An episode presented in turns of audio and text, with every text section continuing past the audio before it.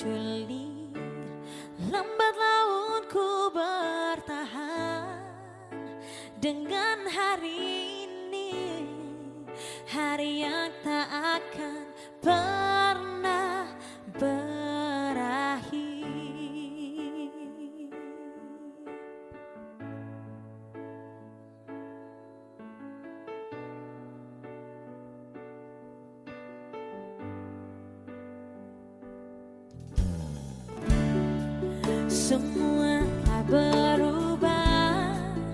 sejalan dengan waktu.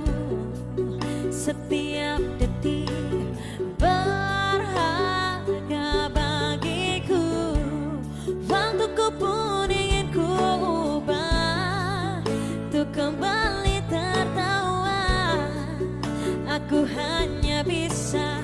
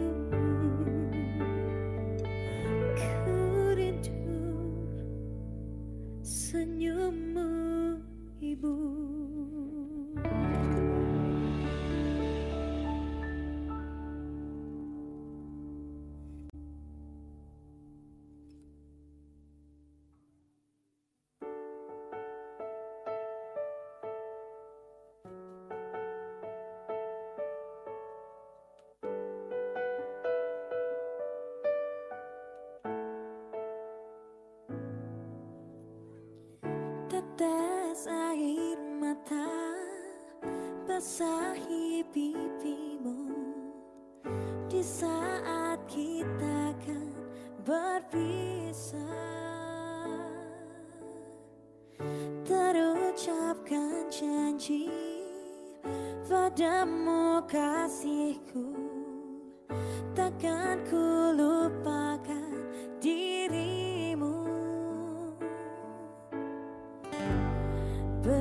Begitu beratnya. Kau lepas diriku.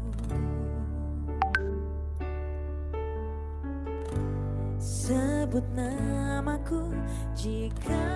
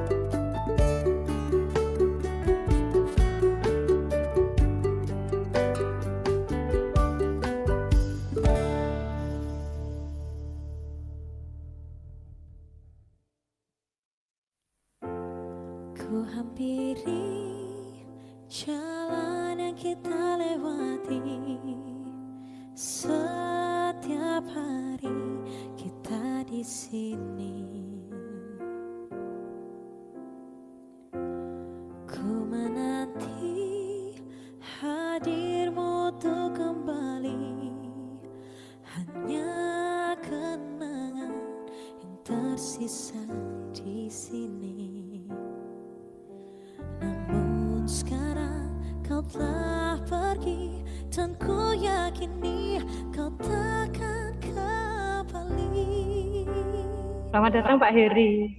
Hari ini Iya. Hari esok atau Ah, nanti datang Pak Heri. Berjuta memori yang terpatri dalam hati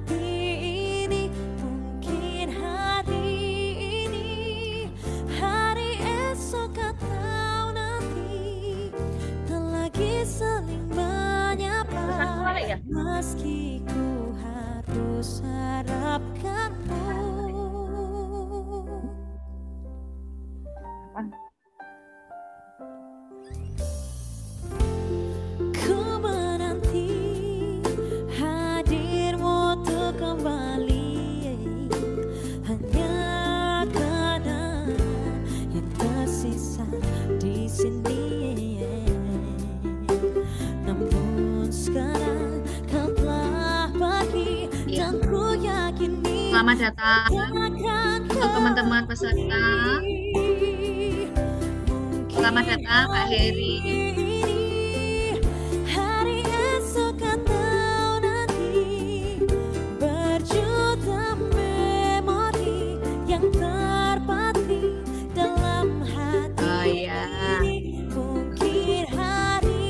Iya. ini Selamat datang mahasiswa kelas karyawan ya. Suara saya bisa masuk, Emma? meski Sudah sebentar.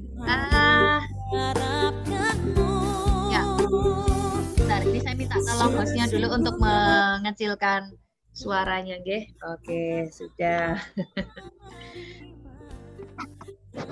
Iya.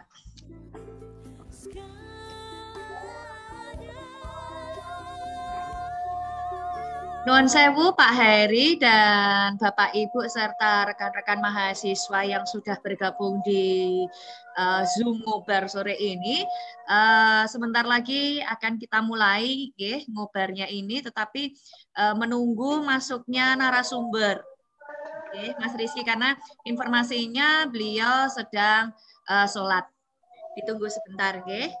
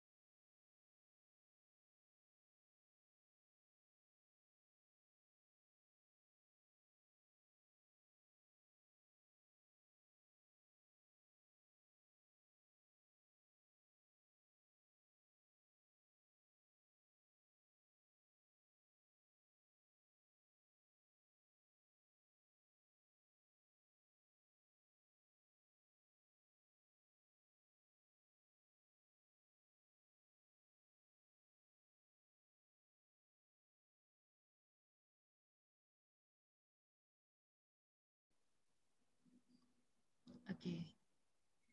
Ya.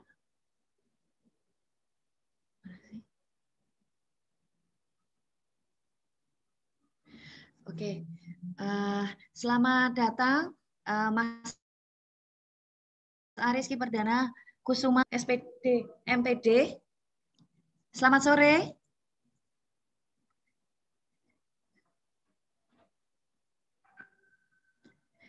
Ini saya manggilnya Mas saja ya. Mas Ariski Perdana Kusuma. Iya. Uh, secara singkat saja, beliau Ketua DPC Pertuni Kabupaten Probolinggo. Selamat datang Mas Ariski. Soundnya belum ya? Oh, mungkin masih masih itu persiapan. Ya. Selamat datang Mas Ariski. Yes, uh, terima kasih. Mohon maaf iya. ini jaringannya agak problem. Iya, Jeh, buatan apa-apa. Ya, oke. Okay.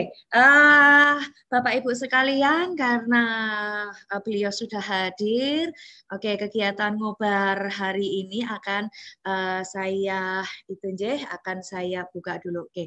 Assalamualaikum warahmatullahi wabarakatuh. Waalaikumsalam warahmatullahi Iya. Uh, selamat sore, salam sejahtera untuk kita semua yang hadir di sini. Uh, yang terhormat Bapak Heri Saptadi Ismanto SPD, Bapak Dr. Heri Saptadi Ismanto SPD MPD Kons, uh, selaku Kaprodi Bimbingan dan Konseling Universitas PGRI Semarang. Uh, kemudian yang kami hormati Ibu Desi Maula, Maulia SPSI MPSI psikolog dan yang kami hormati uh, Nun Sewu Mas Ariski kami panggilnya Mas saja nggih mboten napa-napa nggih. Nggih, siap siap.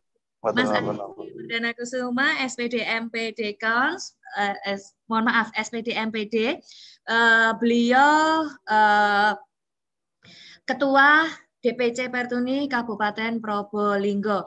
Terima uh, dan kepada Bapak Ibu uh, peserta yang lain dan juga eh, teman-teman uh, dari mahasiswa ya ini pesertanya ada sekitar 137 uh, terima kasih atas kedatangannya sore hari ini di uh, Zoom meeting yang uh, yang akan uh,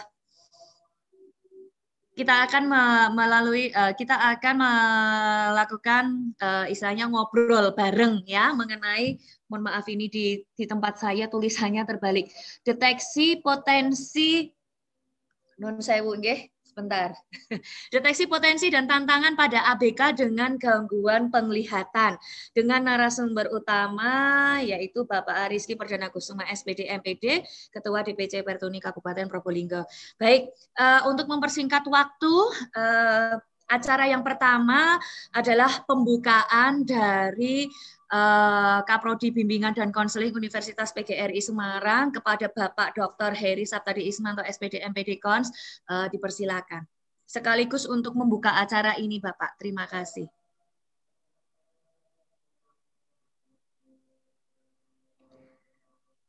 Suaranya tidak kedengaran Pak Heri.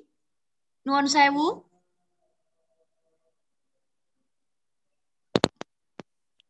Dengar? Oh, sampun. Sudah. Iya, iya. Baik, Assalamualaikum warahmatullahi wabarakatuh. Waalaikumsalam. Waalaikumsalam warahmatullahi wabarakatuh. Alhamdulillah, alhamdulillahirabbil alamin wa bihi nasta'in wa la umuri dunya Salatu wassalamu ala anbiya wa mursalin sayyidina wa maulana Muhammadin wa ala alihi wa sahbihi wa man tabi'ahum bi ihsanin ila yaumil amma ba'd. Yang saya hormati selaku narasumber pada kegiatan ngobar pada siang hari ini saya panggil Bapak saja ya. ya Bapak, Bapak. Ariski ya, Bapak Ariski Perdana Kusuma SPD MPD selaku Ketua DPC Pertuni Kabupaten Probolinggo. Sugeng rawuh Bapak. Oke, Bapak. Alhamdulillah. Abang sudah berkenan untuk menjadi pembicara Alhamdulillah pada siang hari ini masih diberikan kekuatan dan kesehatan kepada kita semuanya sehingga kita masih uh, bisa menjalankan aktivitas uh, di dalam rangka untuk um, melaksanakan tugas-tugas kita sehari-hari. Puji dan puji syukur kita aturkan kehadiran Allah Subhanahu wa taala yang telah memberikan kesempatan pada siang hari ini untuk bisa melaksanakan kegiatan ngobar atau ngobrol bareng bersama Lab BK, Prodi BK di uh, Universitas PGRI Semarang ini. Uh, harapannya semoga acara ini bisa uh, berjalan dengan baik. Salam dan sholawat semoga tercurahkan kepada junjungan kita Nabi Agung Muhammad Sallallahu Alaihi Wasallam. Semoga senantiasa syafaatnya sampai kepada kita semuanya. Amin. Bapak Anan Rizky Perdana Kusuma dan seluruh panitia, Ibu Desi, Ibu Emma, dan seluruh tim yang ada pada siang hari ini, saya bersyukur sekali kegiatan ini uh, bisa terselenggara dengan baik kaitannya dengan tema-tema yang sangat uh, bagus sekali yaitu tentang deteksi potensi dan tantangan pada ABK dengan gangguan penglihatan. ABK ini bukan anak buah kapal, nggih. Jadi anak berbakat, berkebutuhan khusus dengan gangguan penglihatan. Saya pikir ini sebuah eh, apa pencerahan yang luar biasa kaitannya dengan perkembangan-perkembangan situasi dan juga uh, kondisi di pendidikan atau non pendidikan berkaitan dengan keterbatasan keterbatasan. Uh, saya yakin bahwa uh, tidak ada produk gagal yang diciptakan oleh Tuhan yang Maha Esa.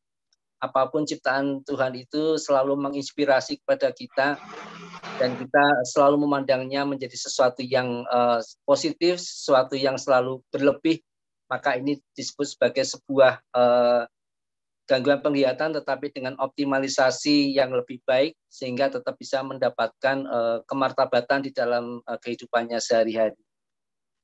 Semoga nanti Bapak Ariski Perdana Kusuma dengan keikhlasannya akan menyampaikan pengalamannya, kemudian uh, wawasannya berkaitan dengan deteksi dini ini dan saya berharap uh, semua peserta yang hadir pada kegiatan ngobrol hari ini bisa mendengarkan dengan seksama. Semoga ini menjadi sebuah ilmu tambahan untuk kita semuanya, wawasan untuk kita semuanya, bagaimana kita bisa mensiasati dengan cara mendeteksi tentang hal-hal berkaitan dengan potensi dan tantangan dari anak berbakat dan berkebutuhan khusus ini. Maka untuk itu dengan ini saya atas nama Prodi BK dengan mengucap Bismillahirrahmanirrahim acara ngobar uh, yang dilakukan pada siang hari ini saya nyatakan dibuka. Semoga Allah Subhanahu wa taala memberikan kelancaran, keberkahan dan kesuksesan pada acara siang hari ini dan memberikan kemanfaatan untuk kita semuanya. Sekali lagi terima kasih kepada Bapak Ariski Perdana Kusuma dan seluruh peserta yang sudah bergabung pada kegiatan hari ini untuk bisa uh, mencermati sampai dengan akhir nanti. Demikian kurang lebihnya mohon maaf. Assalamualaikum warahmatullahi wabarakatuh. Oke, baik. Terima kasih. Ya, Waalaikumsalam warahmatullahi wabarakatuh. Terima kasih kepada uh, Bapak Heri Saptadi uh, atas uh, sambutan sekaligus membuka acara. Oke, okay. uh, bagi teman-teman sekalian sebelum berlanjut kepada acara inti, sebelumnya saya menyampaikan terlebih dahulu beberapa aturan kecil dalam Zoom meeting kali ini. Yang pasti yang pertama itu ya uh, peserta semuanya saat memasuki Zoom uh, diminta untuk atau bisa mengganti nama akun Zoom dengan nama asli sesuai yang didaftarkan pada form pendaftaran. Jadi mungkin nanti bisa dicek terlebih dahulu. Kemudian uh, sesi tanya jawab nanti akan dibagikan link Google Form-nya. Jadi nanti sesi tanya jawab akan melalui Google Form yang nanti akan dibagikan oleh panitia. Kemudian peserta tidak meninggalkan uh, pertemuan online begitu saja atau mengerjakan lain di luar kegiatan ngobar. Kemudian mematikan mikrofon, uh, sekaligus tidak mematikan kamera dan menggunakan pakaian yang sopan. Nah, uh, kemudian peserta dihimbau untuk menggunakan background resmi acara ngobar yang ke-13 ya yang nanti uh, linknya atau filenya akan dibagikan uh, oleh panitia bagi yang belum bisa mendownload uh, background dari acara ngobar hari ini. Oke, baik. Uh, selanjutnya kita masuk pada acara inti yang terlebih dahulu saya perkenalkan moderator ya seorang ibu yang sangat hebat, seorang dosen yang sangat kreatif ya, yang sangat inovatif. Beliau tidak lain dan tidak bukan adalah ya. pusing saya dikenalin Bu Emma. ya, aduh suaranya feedback ya. Oke, okay. beliau tidak lain tidak bukan ya adalah Ibu Desi Maulia, SPSI, MPSI, psikolog. Ya, saya tidak perlu memper, uh, memperpanjang uh, apa mengenalkan beliau yang pasti beliau sangat sangat uh, itu ya terkenal sangat-sangat disukai di kalangan mahasiswa. Oke, baik waktu sepenuhnya saya berikan kepada Ibu Desi Maulia SPSI MPSI Psikologi persilahkan. Ya, terima kasih Bu Emma sudah mengantarkan acara pada sore hari ini dan uh, saya cukup pusing gitu ya dengan perkenalan Bu Emma gitu ya.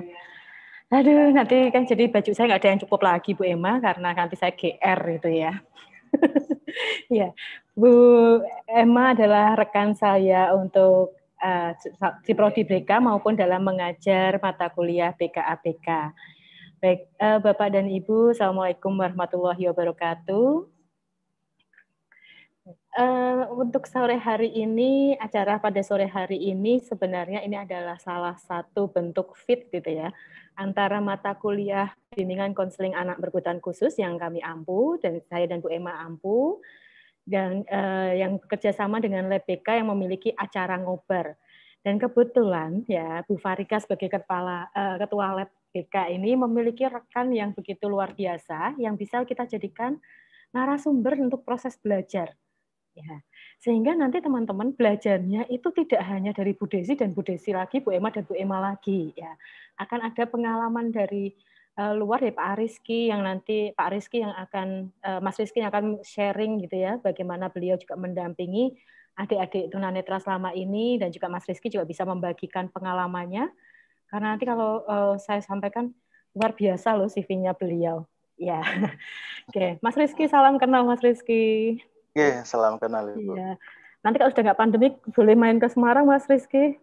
Siap, siap. Ya, jadi kita bisa bertemu langsung, mungkin ada adik juga akan bertemu di kelas, itu akan gregetnya akan berbeda gitu ya, Mas Rizky. Ya. Insya Allah, Sementara, ya. ada. Injay, Mas Rizky. Dan ini uh, telah bergabung di antara kita juga ada Bapak Ibu Guru, ya. Ada Bapak Ibu Guru yang juga bergabung di sini. Selamat datang Bapak dan Ibu, dan juga teman-teman alumni ternyata juga ada beberapa yang bergabung juga. Selamat bergabung. Nah, sebelumnya saya izin untuk membacakan terlebih dahulu Mas Rizky yang nanti akan berbagi banyak cerita dengan kita dan adik-adik terutama uh, yang masih berkuliah maupun Bapak Ibu bisa menanyakan sebanyak-banyaknya tentang apa pun yang diinginkan karena kita juga tahu bahwa kesempatan untuk pendidikan bagi teman-teman tunanetra itu sekarang sangat terbuka, terutama di setting sekolah inklusi. Ya, karena inklusi tidak hanya melulu mengenai ABK berada di uh, forum dengan teman-teman yang tidak ABK, tapi juga di, uh, di dalam inklusi ini ada apa ya beragam keberbedaan ya, beragam ada keberagaman, ada ber, uh, keberagaman yang mau tidak mau mengharapkan adanya pelayanan bagi siswa supaya mereka dapat optimal dengan masing-masing potensinya. Dan ini tugas uh, seorang guru maupun guru BK juga sama. Baik, izin untuk membacakan daftar riwayat hidup Mas Rizky. Ya, Mas Rizky, nama lengkapnya Bapak uh, Mas Ariski Perdana Kusuma, lahir 21 Januari 1987, suku kebangsaan Indonesia Jawa, ya, kemudian tinggalnya di Probolinggo, Wah, ini kalau tidak online belum tentu kita sudah bisa ketemu langsung ya Mas Rizky ya. Enggak, luar iya, biasa kan Jauh ini. Ya, inilah berarti ada satu plus dari kondisi ini ya Mas Rizky ya, kondisi Nge, kita pandemik ini. Iya. Ya. Baik. Nah, eh, selanjutnya riwayat pendidikan teman-teman kita bisa mempelajari di sini. TK-nya TK Taman Indria Probolinggo, kemudian SDN Sukabumi 10 Probolinggo, kemudian SMP dijalani di SMPN 10 Probolinggo dan SMP YPAB Surabaya. Nah, SMA-nya di SMAN 1 Dringu Probolinggo. Wah, ini Jawa Timuran semua ini ya. Iya. Biasa nih ya, yang, yang bagian terakhir ini yang di luar Jawa Timur ini. Kemudian, kemudian pendidikan S1 dan S2 ya beliau tempuh di pendidikan luar biasa UNESA. Maka sudah SPD MPD ini. Ya, kemudian uh, beliau di tahun 2015 sampai 2016 mengambil short term AAI Sydney University tentang kepemimpinan dan manajemen organisasi disabilitas. Nah, nanti suatu saat bisa diundang juga di mata kuliah manajemen organisasi ini, Mas. Atau kepemimpinan ini, Mas. Ya. ya. Siap ya, Mas ya. Nah, kalau siap. Okay. Pengalaman kerja beliau dari tahun 2010 sampai 2013, beliau staf pengajar di SDLB Mambaul Ulum Python, Kabupaten Probolinggo. Kemudian 2013 sampai sekarang staf pengajar di Dharma Asih, Kabupaten Keraksaan, Probolinggo. Pengalaman organisasi, wow ini organisator ini.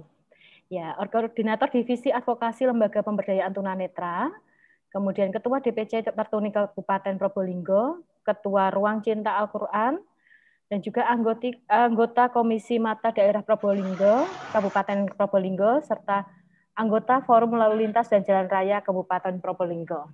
Nah, Tentunya dengan latar belakangnya seperti ini akan banyak sekali cerita yang bisa dibagikan ya.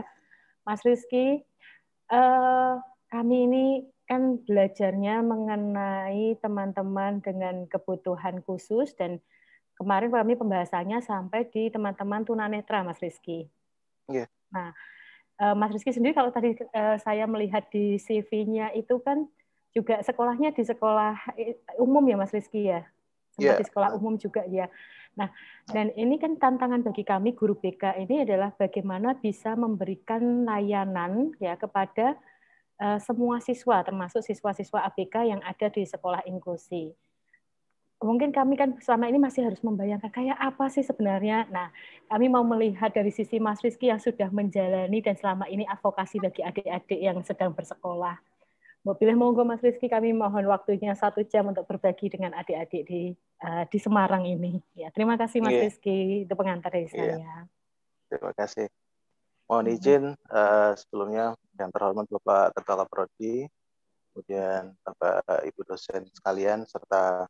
Peserta webinar ya, uh, baik mahasiswa maupun Bapak Ibu guru yang hadir pada sore hari ini. Uh, sebelumnya saya mohon izin, mohon maaf karena saya ada di rumah ini, jadi backsoundnya agak seliwar-seliwar motor sama suara-suara yang noise ya, mohon maaf. Natural, uh, mas.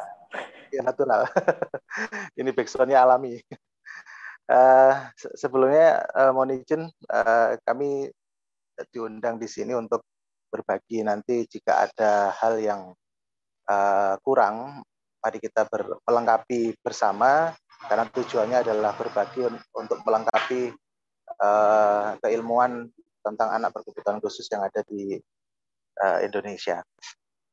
Uh, sebelumnya uh, saya mengalami tunanetra ini tidak dari lahir. Saya mengalami tunanetra dari usia 11 tahun, di mana saya terlahir dengan kondisi uh, normal, dalam kondisi sehat hingga pada usia uh, sekitar 9 tahun, 10 tahun, kelas 4 ya, itu ada gejala glaukoma, penyakit mata uh, dengan tekanan bola mata tinggi. Kemudian semakin menurun, menurun, dan kelas naik kelas 6 SD mulai tidak bisa membaca dan menulis. Hanya bisa menangkap uh, cahaya remang-remang. Tetapi di situ uh, saya tetap mempertahankan untuk bisa sekolah di SDN Sukabumi 10 tersebut. Karena saya pikir waktu itu uh, sisa masa belajar saya tinggal satu tahun untuk untuk lulus uh, bisa menamatkan di pendidikan dasar. Jadi saya memaksa kepada orang tua untuk bisa melanjutkan. Alhamdulillah orang tua, bapak ibu saya luar biasa, beliaunya uh, memberikan dukungan sepenuhnya, Jadi, mengawal saya untuk selesai dalam uh, pendidikan dasar kelas 6 itu. Jadi kelas 6 saya praktis bisa membaca dan menulis. Jadi aktivitas saya di, di kelas hanya mendengarkan guru menerangkan materi, kemudian uh, ibu saya menunggu di, di depan kelas ya. Beliau sangat luar biasa sekali mendampingi saya. Uh, kemudian waktu istirahat beliau meminta catatan dari rekan-rekan saya untuk disalin catatan pribadi saya. Kemudian di rumah saya dipelajari oleh bapak uh, yang sebelumnya hingga pagi hingga sore ini bekerja sebagai staf di pemerintah daerah Uh, jadi beliau setelah pulang kerja, beliau uh, mendampingi saya untuk belajar di rumah, mengerjakan tugas, ataupun uh, mendampingi saya ketika saat ujian. Nah, ini dilakukan selama satu tahun. Kemudian saya lulus SM, uh, SD di Sukami 10 tersebut. Uh, saya ingin tetap melanjutkan di pendidikan formal. Ya, jadi masa satu tahun itu adalah masa di mana saya awalnya diberikan apa ya semacam pemakluman gitu ya, semacam uh, toleransi sesama aja. Artinya awal tidak tidak diperhatikan, tetapi ketika guru saya menangkap saya itu mampu mengikuti kegiatan belajar dengan dengan seksama, baru beliau uh, bisa memperhatikan saya bahkan uh, tidak tidak segan untuk uh, mendampingi secara khusus gitu itu. Kemudian uh, di SD uh, SMP negeri itu sama. Saya juga selama satu tahun di sana menempuh pendidikan uh, menengah pertama dengan posisi tidak bisa membaca dan menulis awas, tetapi di situ ada tambahan guru BK ya, guru konseling yang memberikan uh, dampingan ketika saya ujian harian atau ujian cawu waktu itu ya belum belum ada semester jadi ketika saya waktu ujian saya dibawa ke ruang BK untuk dibacakan dan dituliskan hasilnya. Uh, jawaban saya. Uh, kemudian ini berlaku selama satu tahun. Kemudian saya melak, uh, naik kelas 2 saya pindah ke SLB baru saya pindah ke SLB karena waktu itu bapak kepala sekolah saya sebetulnya berharap saya bisa bisa uh, menulis braille ya, menulis huruf braille yaitu huruf timbul untuk tunanetra itu. Uh, harapannya agar bisa mandiri waktu itu. Tapi ternyata setelah saya pindah ke SLB, saya tertarik dengan dunia SLB. Merasa di situ adalah dunia saya karena banyak banyak orang yang uh, sama dengan saya kondisinya yaitu tunanetra karena di sana khusus SLBA, YPAB, Yayasan Pendidikan Anak Buta, akhirnya saya uh, resmi pindah selama menyelesaikan pendidikan selama dua tahun.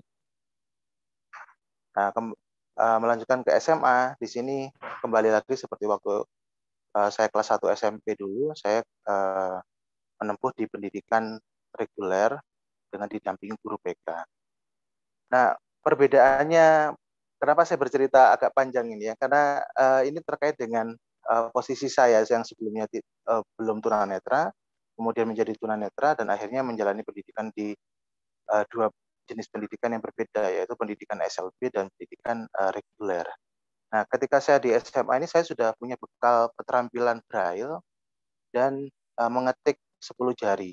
Karena uh, di SLB saya diajari untuk menguasai braille dengan baik, kemudian mengetik uh, manual, mengetik buta ya, tanpa melihat hasil tulisannya karena itu tujuannya ketika saya integrasi ke SMA reguler, saya bisa menyel, uh, menuliskan jawaban-jawaban tugas maupun ujian saya dengan mengetik itu.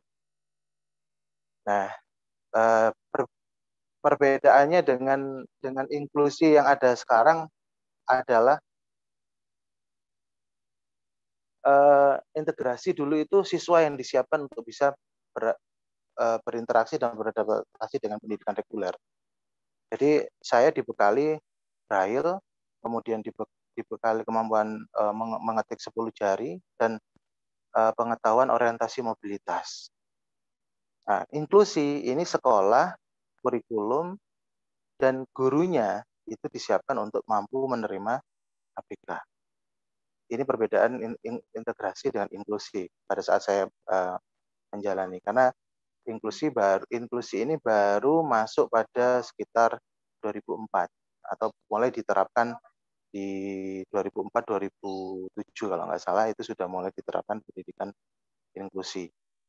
Di mana inklusi ini tidak membedakan uh, siswa itu berkebutuhan khusus maupun uh, reguler. Nah, itu cerita saya terkait dengan pendidikan inklusi. Nah, sekarang ingin saya uh, sedikit ya terkait dengan berkebutuhan khusus.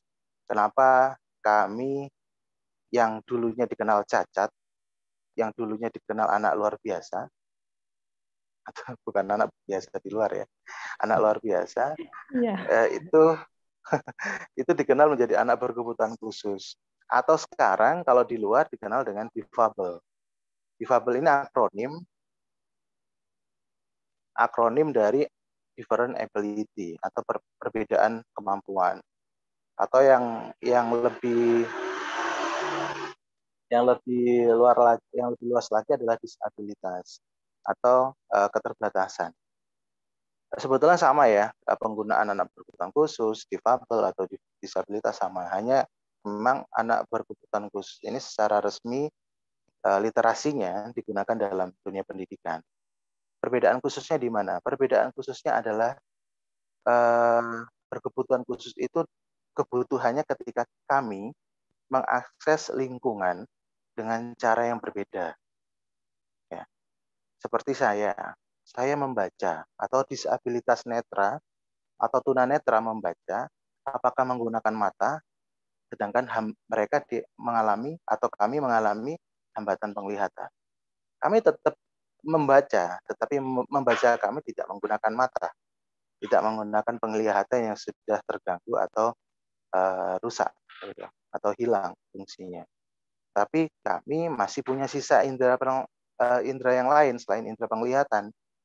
Indera itu adalah indera pendengaran, indera penciuman, indera perabaan, kemudian indera pengecap dan sebagainya yang masih bisa dimaksimalkan untuk mengakses informasi yang ada di sekitar.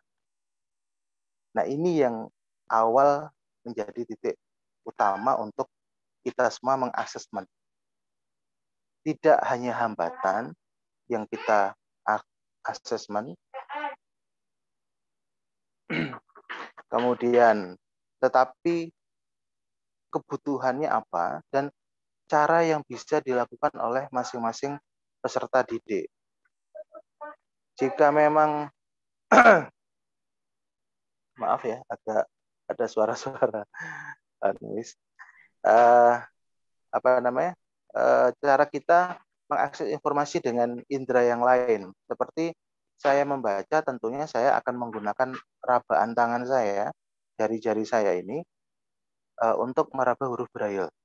Huruf yang timbul, yang tercetak uh, dalam titik-titik timbul, untuk uh, mengetahui informasi yang ada di tulisan tersebut. Atau menggunakan indera pendengaran saya, seperti saat ini, mengakses informasi yang ada di sekitar. Jadi audiobook sekarang kan sudah banyak ya media-media buku-buku yang direkam dalam bentuk format MP3 atau uh, eh, MP3 dan sebagainya itu ya. Uh, atau bahkan di YouTube pun sekarang banyak orang lebih uh, menggunakan channel untuk bercerita gitu ya. Nah, ini bisa bisa kita gunakan untuk uh, kita mencari mengakses informasi atau indera penciuman. Seperti saya mengenali lingkungan di sekitar, sekitar saya ketika saya orientasi mobilitas.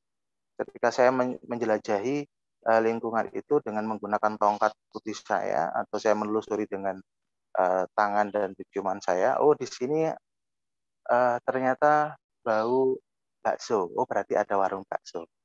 Oh di sini ada uh, semacam bau wangi. Oh ini mungkin toko parfum ya. Seperti ini yang yang kami akses untuk mengakses informasi dan sebagainya. Nah, eh, ketika ketika saya sudah mulai di SLB itu mulai di, dikenalkan eh, ke ke sisa indera yang bisa dioptimalkan untuk eh, apa namanya mengakses informasi tersebut baru saya menyadari bahwasanya bahwasanya menggali informasi itu tidak hanya menggunakan mata. Kita masih bisa mengoptimalkan yang lain dengan indera-indera yang tersebut. Nah, mungkin pada waktu itu guru BK saya di SMP dan di SMA itu belum memahami posisi itu. Tetapi beliau sudah menjalankan fungsinya sebagai guru pendamping waktu itu karena belum ada GPK seperti sekarang ya. Kalau GPK kan sudah uh, ditetapkan oleh uh, apa namanya, uh, Dinas Pendidikan uh, dari biasanya kalau di sekolah sekolah reguler itu adalah uh, dari guru BK atau guru BP. Nah, padahal dulu belum ada penugasan itu, tapi beliau langsung tanggap uh, mendampingi saya, bahkan tidak tidak segan-segan untuk memberikan dukungan moral kepada saya ketika uh, mungkin ada salah satu hambatan uh, saya menghadapi beberapa uh, bidang studi waktu itu. Jadi memang uh, fungsi pendampingan sudah dilakukan oleh guru-guru sebelumnya. Nah, sekarang sudah ada keilmuannya, sudah ada keterangan bagaimana pendampingannya. Nah, sebetulnya uh, kalau saya lanjutkan dengan dengan keilmuan apa namanya, bagaimana pendampingan terhadap siswa dengan hambatan penglihatan itu yang pertama sama seperti uh, siswa pada umumnya atau APK yang lain, yaitu melakukan asesmen terlebih dahulu. Asesmen ini dilakukan dari uh, beberapa pihak, tidak hanya dari orang tua, tetapi dari dokter dan psikolog.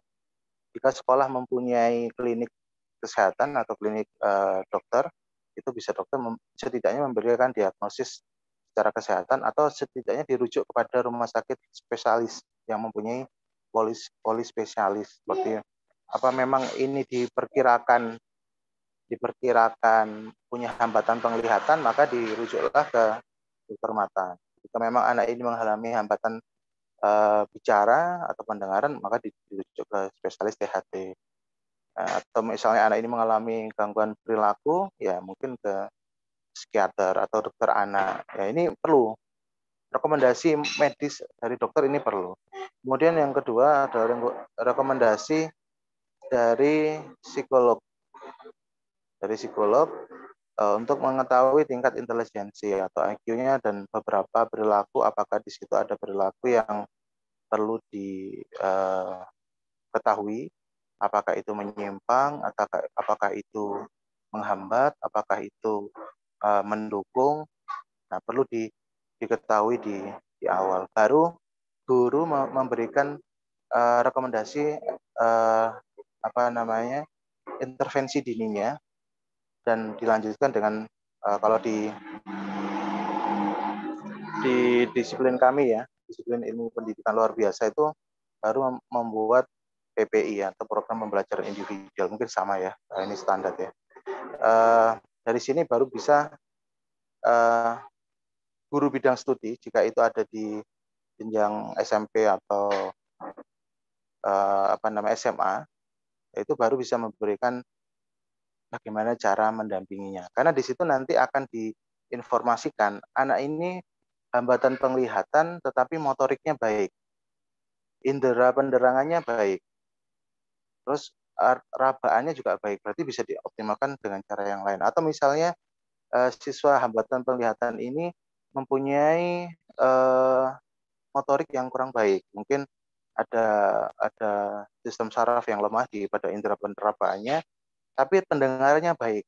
Nah, jadi tidak semua siswa itu, walaupun dia mengalami hambatan uh, penglihatan, diharuskan belajar seperti braille misalnya ya braille perlu diketahui tetapi tidak uh, cara belajarnya kalau dia mampu menggunakan pendengaran ya dia maksimalkan dengan cara itu atau misalnya dia punya indera perabaan yang baik tapi pendengarannya agak kurang karena ada beberapa siswa yang mempunyai double handicap ya, atau uh, disabilitas ganda atau multiple handicap itu uh, dia uh, ada beberapa hambatan di yang lain selain penglihatan kedengaran atau bahkan intelijensi. Jadi disesuaikan kepada hambatan dan kebutuhan atau cara dia uh, mengakses. Nah, di tunanetra sendiri itu ada dua klasifikasi jenis tunanetra. Yang pertama adalah totally blind atau buta total, artinya tidak punya sisa penglihatan sama sekali seperti saya. Uh, pandangannya gelap, jadi uh, tidak bisa melihat uh, respon cahaya apa pun. Kemudian yang kedua adalah low vision atau penglihatan rendah. Biasanya dia punya sisa cahaya atau masih mampu mengenali warna bahkan bayangan dengan jarak tertentu dia masih bisa bahkan dia uh, melihat tulisan-tulisan tapi besar itu bisa. Jadi kalau ada siswa yang low vision ya di, uh, apa namanya uh, pembelajarannya kalau dia mampu menggunakan tulisan besar ya diberikan akses dengan tulisan yang besar-besar. Dengan uh, apa namanya huruf yang diperbesar di zoom mungkin kalau menggunakan uh, apa namanya uh, layar gitu di zoom. Tapi kalau menggunakan lembar kertas mungkin pakai tulisan yang uh, lebih besar besar dengan menggunakan spidol atau tulisan yang uh, bercetak lebih lebih tebal ini juga salah satu alternatif ya. Tetapi kami jika uh, berdiskusi dengan guru-guru yang ada di, di reguler, tetap uh, program khusus harus dibeli, diberikan sebagai pendampingan, yaitu huruf braille, orientasi mobilitas. Dua hal ini wajib dikuasai oleh siswa tunanetra, baik itu diajari oleh guru GPK-nya, guru pendamping khususnya, atau uh, dilatih oleh misalnya di situ ada lembaga seperti kami ya di sini ada Pertuni Persatuan Tunanetra atau lembaga. Kalau di Semarang ini saya punya uh, Pertuni di sana, teman-teman ada Pertuni di Semarang maupun Jawa Tengah juga ada. Kemudian ada Sahabat Mata di sana.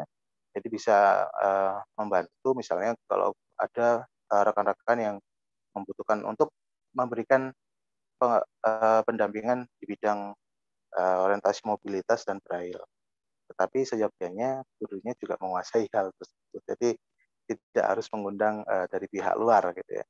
Bagaimana orientasi itu, bagaimana mobilitas itu, dan bagaimana menulis huruf braille. Nah, ini wajib.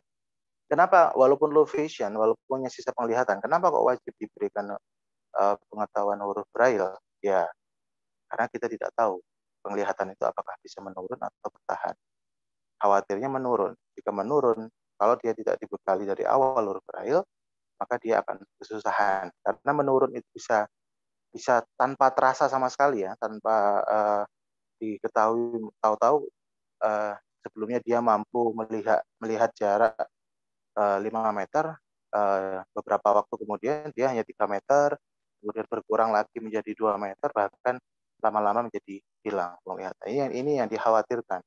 Dan orientasi mobilitas itu penting karena apa? Karena uh, disabilitas netra atau siswa dengan hambatan penglihatan itu mempunyai hambatan di, di keadaan mobilitas ya atau saat saat mobilitas uh, yaitu uh, berpindah tempat satu dengan yang lain bisa itu menabrak bisa itu ter, terprosok ke dalam lubang bisa uh, apa terbentur badannya anggota badannya. Maka dari itu uh, pengetahuan terkait dengan orientasi mobilitas ini menjadi wajib diberikan oleh guru pada saat uh, pendidikan formalnya di SD SMP SMA di jenjang tersebut. Jadi ini menjadi modal yang utama ketika uh, siswa ini uh, apa ya diperkirakan mampu untuk mandiri. Ini tujuannya untuk lebih bisa mandiri dan lebih bisa untuk uh, menggali potensinya lebih jauh. Saya baru mendapatkan itu ketika saya pindah di SLB, ketika pindah di YPAP Surabaya, itu baru mendapatkan uh, pendampingan tersebut. Karena di di SMP dulu BK saya belum tahu tentang apa namanya pendampingan dengan anak berkebutuhan khusus karena masih integrasi dan hanya hanya apa ya waktu itu BK guru BK itu menerima dengan alasan kemanusiaan gitu ya uh, atau bahasa Jawanya seakan gitu. ngesakno gitu uh, kemudian uh, baru uh, didampingi baru baru ketemu gitu potensinya apa itu baru ketemu nah tapi setelah setelah saya SMA saya sudah punya bekal itu karena saya pernah sekolah di di SLB uh, sudah dibekali tadi ya ada tambahan mengetik 10 jari ya. Kalau sekarang sudah nggak zaman pakai mesin ketik karena uh, nanti kalau bawa mesin ketik dikira kantor kecamatan pindah. Jadi sekarang sudah menggunakan teknologi komputer, jadi menggunakan teknologi uh, komputer yaitu uh, komputer bicara dan HP bicara.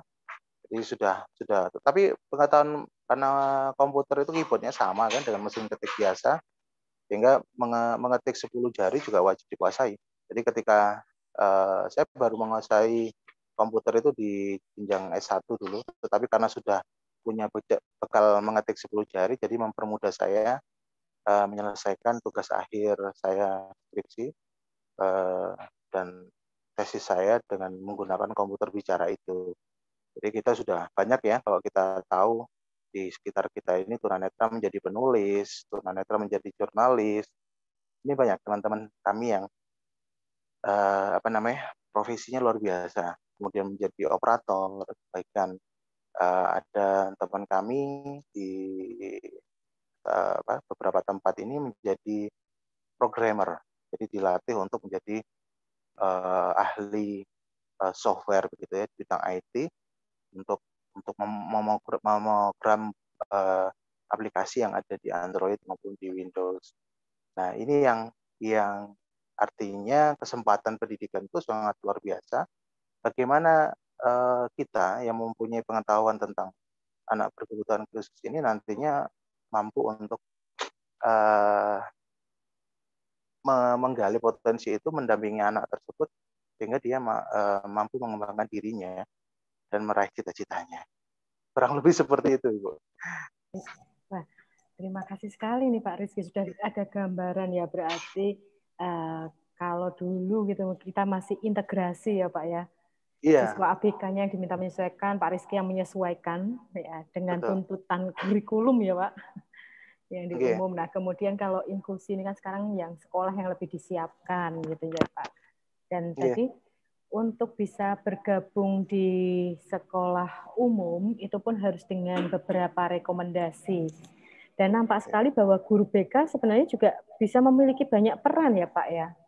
Betul. Ada teman-teman uh, dengan gangguan tunanetra gitu ya. Nah, yeah. Pak, uh, Pak Rizky, Mas Rizky, kalau yeah. uh, di uh, saat ini gitu, ketika Mas Rizky melakukan advokasi juga itu ya Mas Rizky ya di iya. sekolah yeah. itu, ada yang sudah masuk ke apa ya ke Pertuni belum Mas yang tentang cerita tentang ya saya ada kesulitan nih siswa saya, anak saya gitu di SMP, SMA ketika dia harus bersekolah atau kemudian yang sudah usia mahasiswa gitu Mas Rizky. Ya. Sudah. Jadi sebelumnya uh, saya kan juga pengajar ya di SLB ya.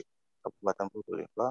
Ya. Uh, kebetulan uh, ada empat murid saya yang sudah melanjutkan pendidikan di perguruan tinggi di Probolinggo. Hmm.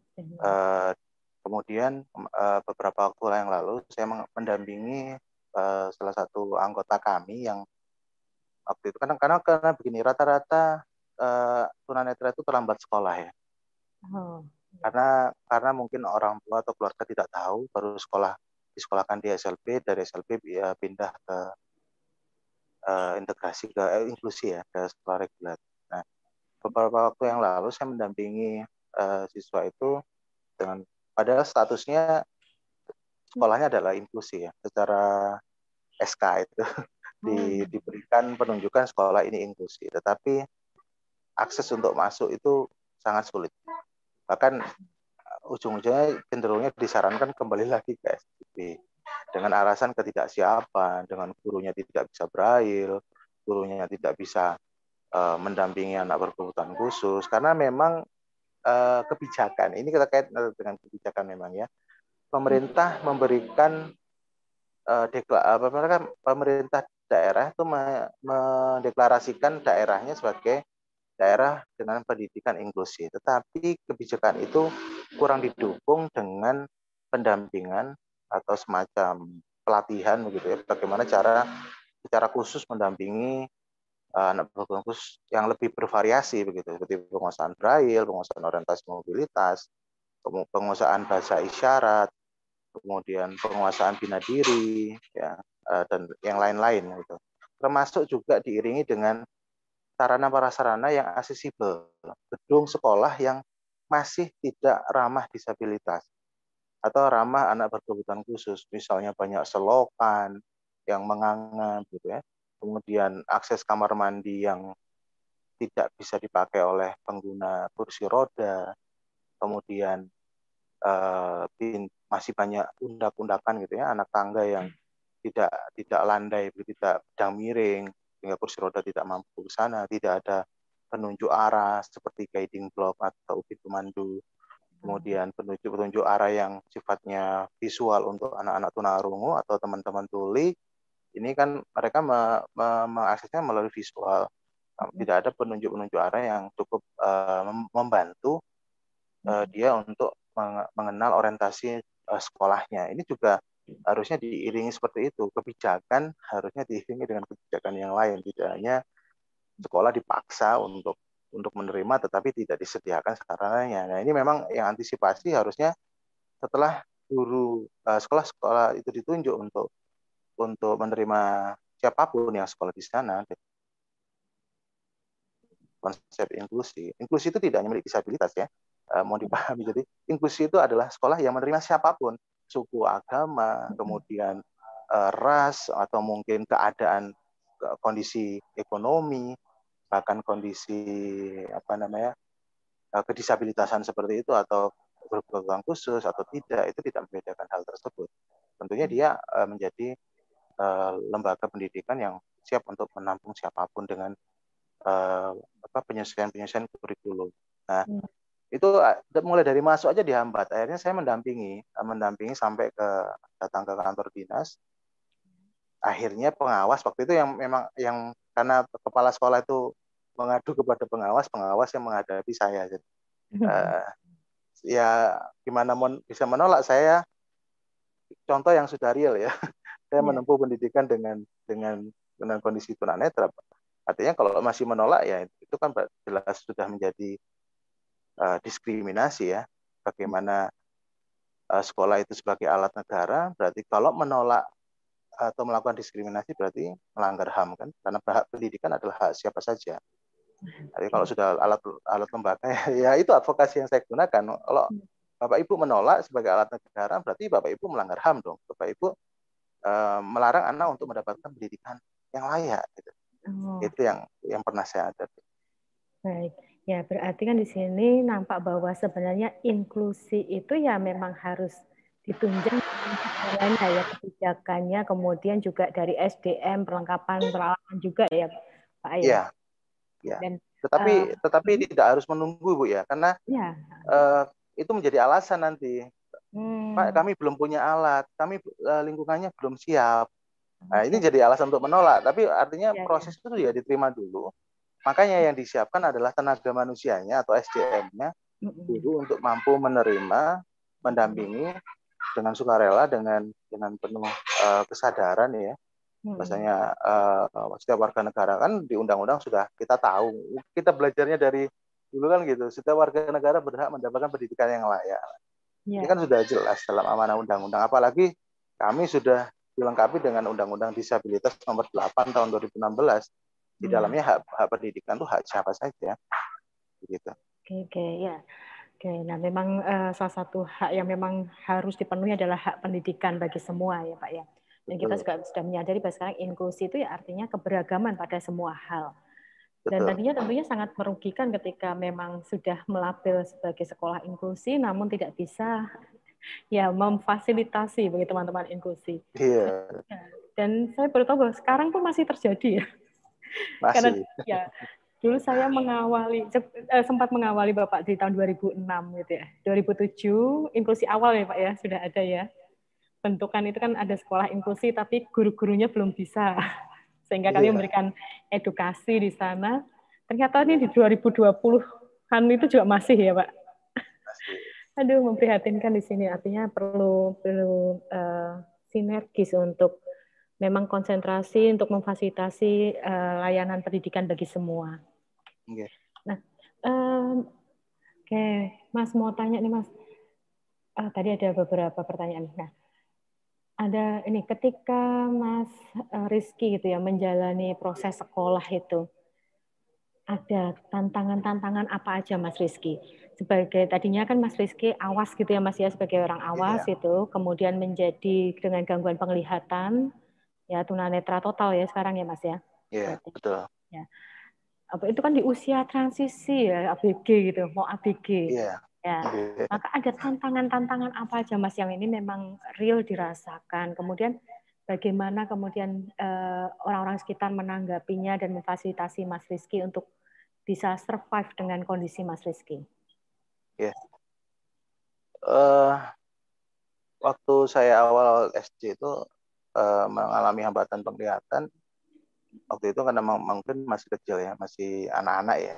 Yeah. Berpikirnya karena saya masih main, saya suka bersepeda, saya suka menjelajahi daerah-daerah yang belum saya kunjungi.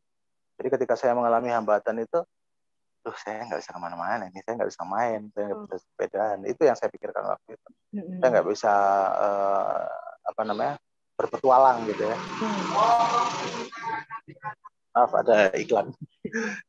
Okay. Kemudian kemudian uh, apa namanya hambatan yang berikutnya adalah ketika saya sudah mulai puber betul tadi ya, saya mulai, mulai mengenal cinta monyet, mulai kenal ketertarikan dengan uh, ini wajar ya, saya ceritakan sebagai keilmuan aja ya. Bukan ya. curhat. Oh iya, oh, tentunya karena nanti kan juga apa namanya adik-adik kan nanti akan adik-adik mahasiswa kami akan handle yang di usia ABG toh Mas. Betul, betul. Sehingga nanti biar tepat sasaran kalau mau layanan itu seperti apa gitu loh Mas. Iya. Jadi bukan termasuk untuk curhat tapi memang yeah Eh, masa-masa puber di SMP itu sempat uh, ada ketertarikan, tapi sempat ada ada apa ya semacam pertentangan begitu. Yeah. Hmm. Saya tunanetra, saya nggak bisa ngelihat gimana ya. Apa dia senang juga sama saya? Apa dia karena kan saya sekolah di umum SMP-nya waktu itu kelas satu uh, tertarik dengan siswa yang non, non disabilitas. Uh, bagaimana? Nah, itu sempat sempat menjadi kebingungan. Ya akhirnya hanya disimpan sendiri menjadi perasaan yang terpendam. Gitu. Uh, kemudian baru mungkin setelah setelah mengenal berani itu ketika, ketika sesama dengan uh, tunanetra.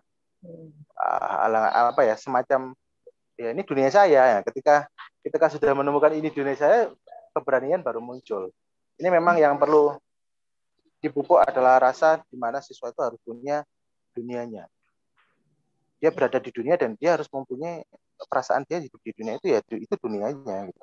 sama dengan dunia yang mereka, eh, orang lain hidup gitu. hmm. karena kalau sudah dia merasa berbeda dia merasa terasing hmm. dia merasa nggak nggak menyatu dengan lingkungannya nanti itu yang perlu di, dicairkan dulu ditembus batasnya disatukan atmosfernya ya, sehingga mereka bisa menerima situasi yang ada di sekitar penerimaannya itu memang di awal ya ketika saya SD dan SMP awal itu eh, apa nama karakteristiknya adalah eh, mudah tersinggung dan curiga. Itu memang kalau di buku kami, buku ortopedagogi anak tunanetra itu ada memang tetapi tidak menjadi tidak menjadi karakter utama ya, tapi bisa hampir hampir itu mudah tersinggung untuk untuk anak yang mengalami tunanetra bukan dari lahir. Itu ketika saya di ketemu dengan teman atau rekan orang tua saya, oh anaknya nggak kelihatan ya pak, seakan ya pak. Nah, ke, ke, kedengaran kata seakan itu gimana ya, ngiris-ngiris tuh waktu itu. Iya. Jadi kayak uh, apa namanya tersinggung sekali atau atau merasa rendah diri ya, merasa sakno gitu ya, sakno banget ya gitu. Padahal uh, ngapain saya dikasihani gitu ya mas ya? Iya. Mau saya juga ya oke, okay. ya saya punya potensi kan mas waktu itu ya ada ada sisi itu tetapi memang rasa rendah diri itu dominasi uh, dominasi kemudian di di waktu uh, setelah saya masuk ke IPAB Surabaya itu yang dulu dibilang buta itu saya tersinggung ketika temu dengan sesama buta itu menjadi kata-kata buta itu menjadi mainan gitu jadi kalau kita dibilang buta kita malah ketawa Jadi ini menjadi uh, lelucon uh, apa ya? Bukan menertawakan diri sendiri, tetapi akhirnya ya apa yang perlu ditakutkan atau disedihkan dengan kata buta sebetulnya? Oh, itu kan kenyataan saya. Nah, ini mulai kan artinya sudah mulai menerima ya. Ketika saya mengakui saya adalah buta, saya tunanetra, kenapa saya harus tersinggung? Ketika saya oh buta, ya sudah, ya buta ya memang buta. Gitu. Kalau kalau nggak buta dibilang buta baru kan tersinggung. Hmm, okay. nah, itu yang perlu diwaspadai. Nah, ini kenapa? Karena hanya perasaan rendah diri yang yang yang kemudian perlu ditingkatkan menjadi ya nggak perlu tinggi tinggi diri juga, tetap tinggi hati, tetapi uh, setidaknya percaya diri. Kemudian hmm. di SMP SMA saya mengalami penolakan. Saya uh, ingin sekolah di SMA terdekat dengan rumah itu ditolak oleh sekolah dengan alasan ya seperti itu tadi uh, tidak siap, gurunya alatnya tidak ada, tidak ada yang bisa uh, mengajarkan saya. Ya intinya nggak mau. Dua uh, dua sekolah menolak saya. Tetapi saya akhirnya bisa sekolah di kabupaten itu. Saya berpikir, Pak, saya ini harus sekolah. sekolah di India wis Pak saya matanya begitu tuh Bapak uh, oh, masih ado Pak. Masih meskipun jauh saya harus sekolah. Karena kalau saya nggak sekolah mau saya mau jadi apa? Saya kalau nggak punya ilmu saya mau jadi apa? Hmm, mau ngarit ya gitu. Karena kan mohon maaf ya bukan ngarit itu rendah tetapi yeah. Ya. uh, maksudnya tidak tidak punya pengetahuan gitu kan. Uh, keterbatasan uh, isone apa? Isone ya seperti itu ya akhirnya ngarit saja kan gitu maksudnya. Hmm. akhirnya uh, saya memaksakan diri dan alhamdulillah di SMA Andring itu ternyata uh, kepala sekolahnya sebagai pem pemegang manajemen utama itu hmm. tanpa harus berembuk dengan guru-guru yang lain, tanpa harus membicarakan dengan dinas setempat sudah menerima. Karena apa? Beliau sadar bahwasanya uh, anak itu punya hak pendidikan yang sama. Jadi waktu bapak saya datang ke SMA Teringu ini, ini cerita ya, mm-hmm. uh, beliau itu di di di apa namanya disambut dengan baik kalau kelas kelas kelas waktu itu almarhum. Uh, mudah-mudahan beliau uh, terima Allah SWT yang luar biasa beliau itu jasanya pada saya. Uh, ketika melihat rapot saya, beliau cuma tanya, Pak mohon maaf, bapak, bapak anak bapak ini sudah diterima di sini. Cuman saya ingin tanya, rapotnya kok rapot SLB ya Pak? Karena waktu itu belum bercerita bapak saya. Hmm. Oh baru bercerita, terus kondisi anak saya tunanetra seperti ini. Waktu itu sudah pikir wah ini bakal ditolak ini gitu, seperti sekolah sebelumnya. Tapi ternyata beliau menyampaikan begini. Pak yang sabar ya. Bapak ini adalah orang yang dipilih, Bapak dan Ibu ini adalah orang yang dipilih Allah untuk menerima amanah yang luar biasa seperti ini. Karena anak adalah anugerah dari Allah yang diamanahkan kepada siapa pun untuk menjaganya, merawatnya, dan memberikan pendidikan yang seharusnya dan anak itu juga punya hak pendidikan yang sama. Jadi Bapak tidak usah khawatir, saya menerima ini dengan kesadaran saya sebagai eh, pemegang pimpinan tertinggi di sekolah ini bertanggung jawab atas pendidikan anak Bapak sehingga Bapak anak Bapak diterima di sini dengan seperti siswa yang lain. Ini yang saya saya terenyuh sekali pesan beliau itu yang di, uh, diceritakan kepada Bapak saya. Bahasanya ya kesadaran manusia itu ya uh, harusnya seperti itu ya. Baru iya.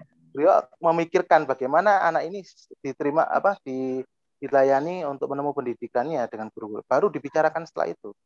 Jadi ya. baru beliau itu mengadakan rapat pada guru-guru yang lain, memerintah uh, mengkoordinasikan itu.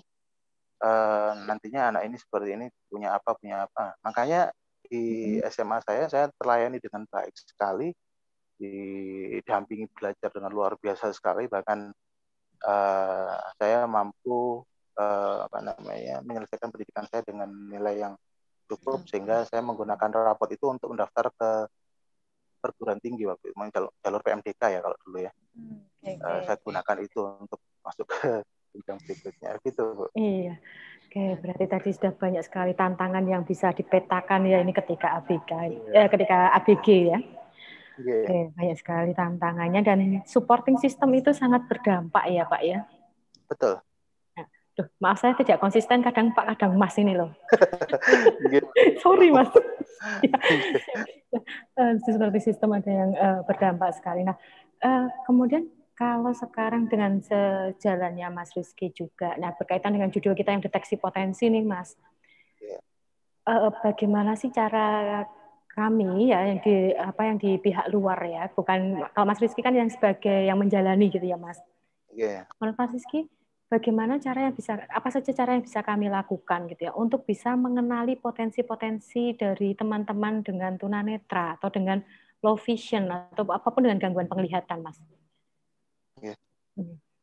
Uh, info, kalau informasi terkait itu yang pertama uh, informasi dari keluarga sangat penting ya karena karena keluarga yang lebih banyak tahu tentang kondisi putranya bahwasanya dia punya misalnya senang nyanyi apakah suka bermain musik atau dia suka uh, mengotak-atik apa ini ini informasi yang uh, yang perlu digali dari orang tua. Yang kemudian yang kedua adalah dari teman. Dari teman ini mungkin teman bermainnya di rumah atau teman sebelumnya teman sekolahnya sebelumnya. Sehingga uh, guru dapat mematakan oh ini ternyata punya potensi seperti ini dan dikonfirmasi kepada peserta didiknya. Hmm. Oke, oke. Kembali tetap harus konfirmasi ya, Mas ya. Oke. Bukan berarti kalau hmm. kalau kalau yang asesmen itu sudah tahu langsung hmm. dikasihkan, enggak. Tapi hmm. kadang-kadang mungkin saat itu dia tidak minat untuk memperdalam itu. Itu juga menjadi hambatan konfirmasi oh. seperti itu. Ya. Oh. Nah ini kalau kemudian anaknya masih kecil gitu mas, tadi kan ada pertanyaan juga nih kalau anak masih usia dini, gimana caranya kita bisa kenal potensi dari teman-teman ABK tunanetra?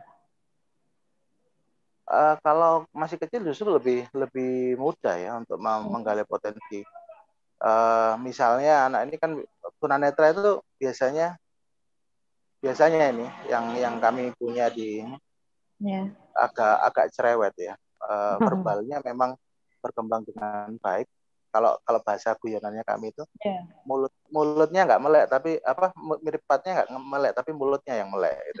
Jadi dia lebih lebih verbalnya lebih lebih terampil ya daripada jadi memang misalnya uh, mungkin dia bakat di bidang uh, hafalan Quran ya coba di, di, dipancing dengan itu maka dia minat dia seneng nggak gitu ya kemudian dipancing dengan nyanyian dia minat nggak dipancing dikenalkan dengan alat-alat musik dengan bunyi-bunyian uh, dia ada minat tersebut nggak kalau sudah uh, dari kecil sudah punya minat tersebut tersebut bisa didampingi sejak awal seperti itu.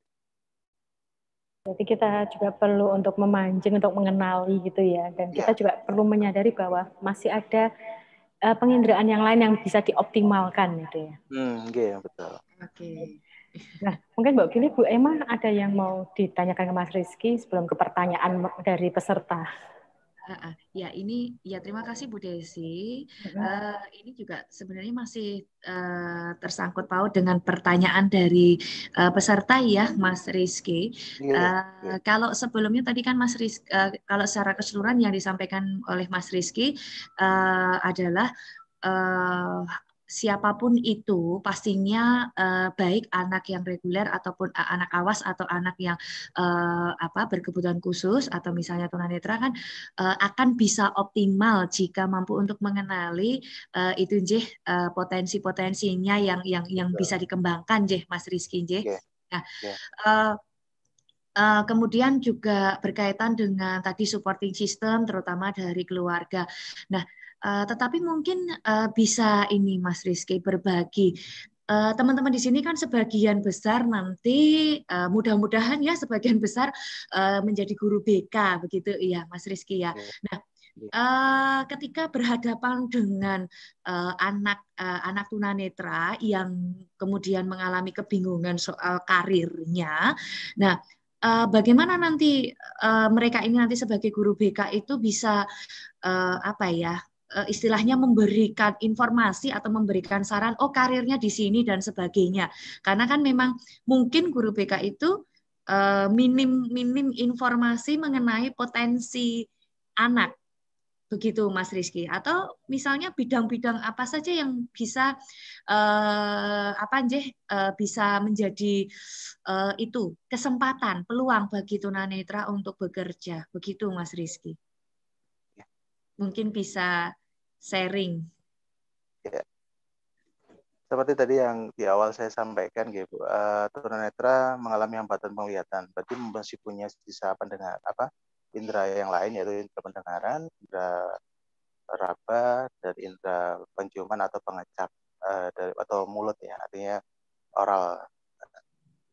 Beberapa indera ini kan bisa diidentifikasi. Ini contoh uh, indera pendengaran indera pendengaran berarti dia menangkap suara. Nah, suara hmm. yang bisa ditangkap uh, dalam hal ini adalah dia bisa menjadi seorang musisi misalnya pemain okay. musik atau penyanyi atau vokalis gitu ya karena dia uh, mampu mendeteksi suara dengan lebih detail karena gitu katanya sering kali kita tuh di, di, dianggap punya indera keenam karena mampu mendengar daripada yang lain ya. Oh, gitu. Sebenarnya ini bukan indera keenam tetapi kami lebih fokus saja mendengarkan. Fokus, ya, jadi uh, lebih fokus. Iya, Betul, karena karena orang yang masih punya sistem penglihatan dia masih berbagi informasinya dengan mata gitu. Dan kami fokus pada telinga kami. Jadi kami okay. uh, sebetulnya lebih fokus porsinya jadi lebih besar. Kemudian indera peraba. Indera peraba ini uh, misalnya terkait dengan uh, yang yang yang ada yang banyak di sekitar kita adalah juru pijat atau masase ya.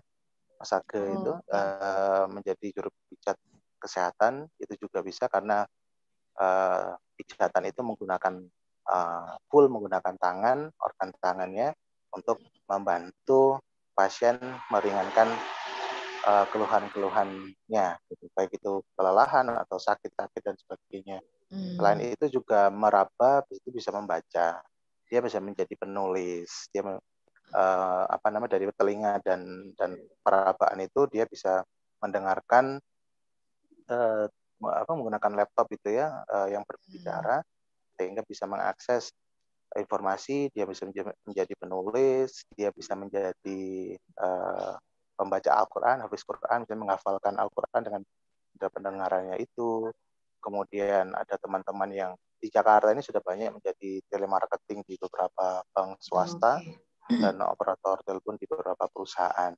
Oh, Bahkan berapa? saya punya teman itu di Jakarta, beliau sebagai uh, senior uh, manage, apa program manajemen uh, apa namanya program manager jadi iya program manager oh, iya. maksudnya dia sebagai uh, pemogram uh, sebuah uh, yayasan begitu ya oh. pemogram kegiatan begitu uh, beliau uh, seniornya begitu di sana hmm.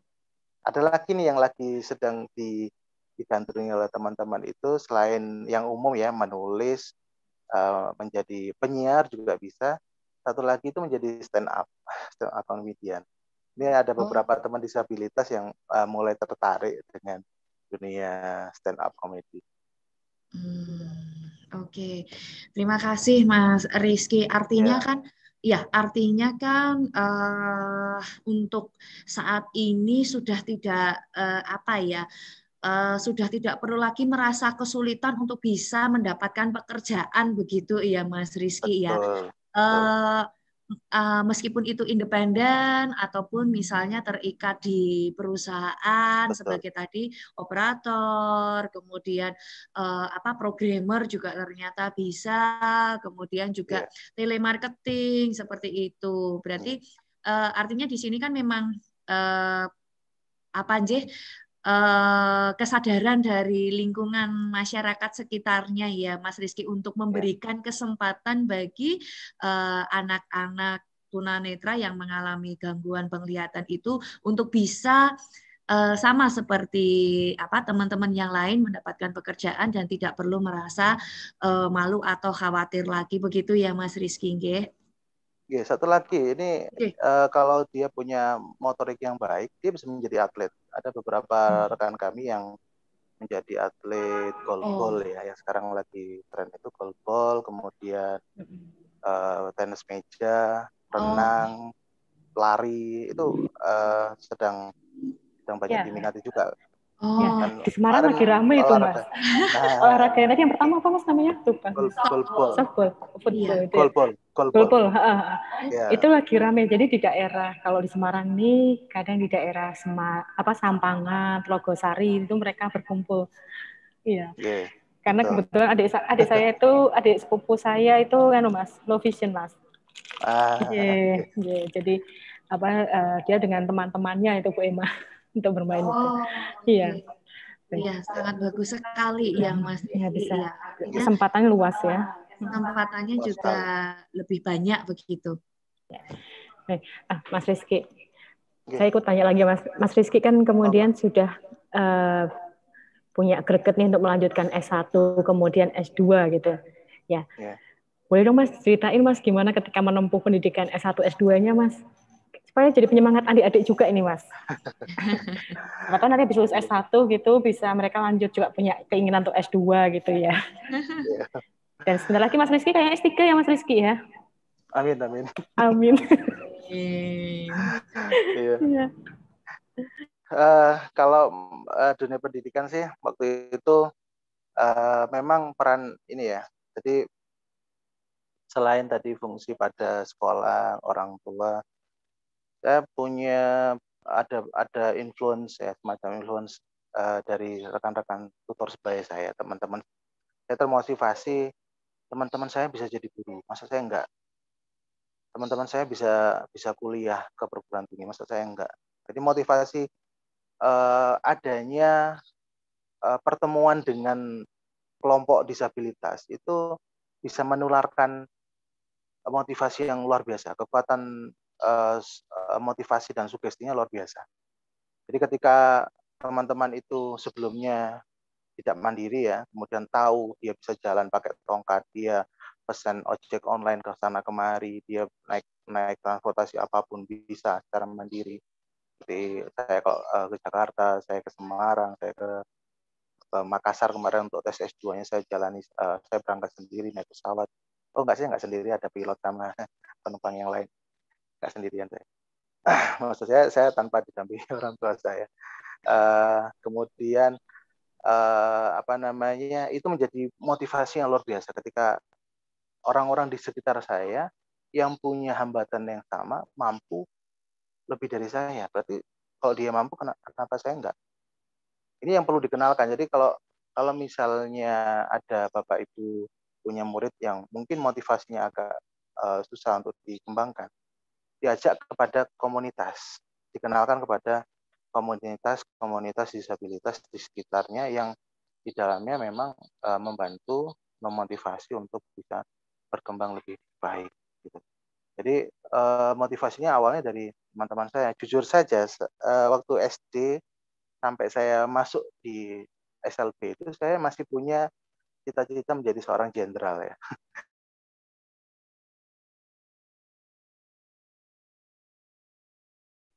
Uh, putus. Bentar. Ya, kita masih bisa nggak ya ini Bu Emma ya? Oke, kita menunggu Mas Rizky. Mas Rizky tadi masih bercita-cita sebagai jenderal. Nanti kita uh, tunggu ya setelah ini ceritanya akan ada apa lagi. Baik, eh, teman-teman, uh, boleh tanya Ibu Desi, habis ini ada yang mau bertanya langsung nggak sama Mas Rizky? Kalau pertanyaannya tuh udah banyak banget itu kan, yang masuk, yang Bu Desi dan Bu Emma terima gitu. Teman-teman ada nggak yang mau bertanya langsung nanti? Boleh pakai tanda direction itu, raise hand atau apa boleh? Yang raise hand boleh. Mm -hmm. Oh ini malah Mas Rizky-nya. Mas Rizky-nya keluar? keluar. Oh. Oke, okay, kita tunggu Mas Rizky dulu. Nanti ditunggu lagi. Ya. Oke, okay, okay. kami sambil dulu ya. Eh, ini teman-teman, oke. Okay. Aku nanti tanya ya, Gung ya berarti Gung. Oke, ada Mas Agung dari PKM. Sip, Mas Agung. Terima kasih sudah bergabung. Ya, ada lagi? Tadi ada teman yang dari PAUD juga. Dari bahasa juga ada. Oh, oke okay, Mas. Rizky udah gabung lagi ya Mas Rizky. Ah, sip. Ini Mas Rizky. Bentar, saya spotlight-kan. Add spotlight. Iya. Selamat nah. bergabung lagi Mas Rizky. Ya. Ini dinamikanya kita Halo. online ya, Mas? Iya. Bisa ditangkap ya suara saya? Bisa. Bisa. Ya, clear sekarang. Mohon maaf tadi paketan saya habis.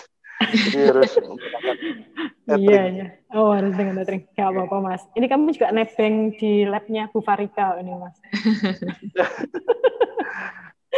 iya, jadi ini yang punya jadi tempat ketika Bu Farika. Saya lanjut, Ge. Iya, Mas. Mas Rizky.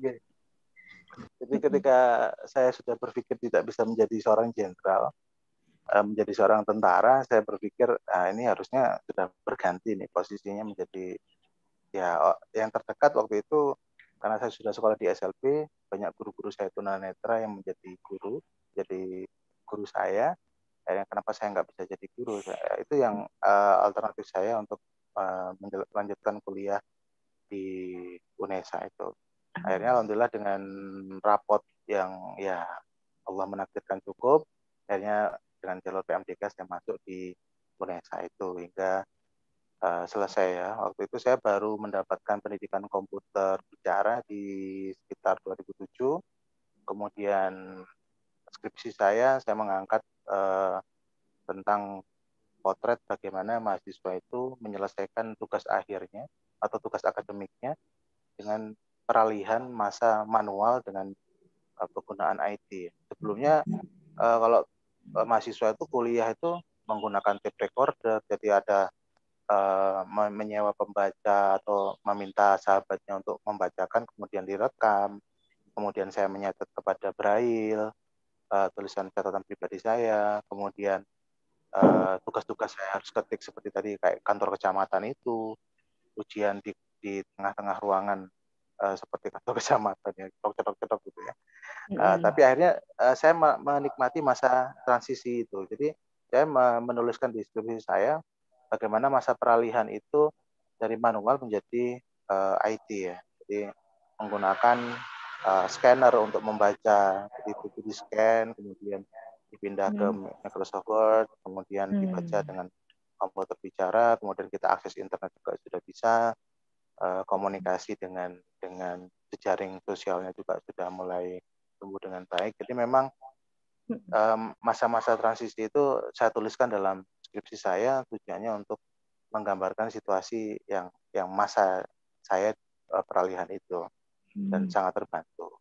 Jadi jadi kemudian uh, karena waktu itu juga uh, aktif di organisasi di Surabaya, jadi saya tambah satu semester lagi untuk menyelesaikan skripsi. Alhamdulillah uh, wisuda di 2010, kemudian uh, ikut tes CPNS di, di tahun yang sama dan diterima di angkat di tahun 2011 hingga hmm. sekarang.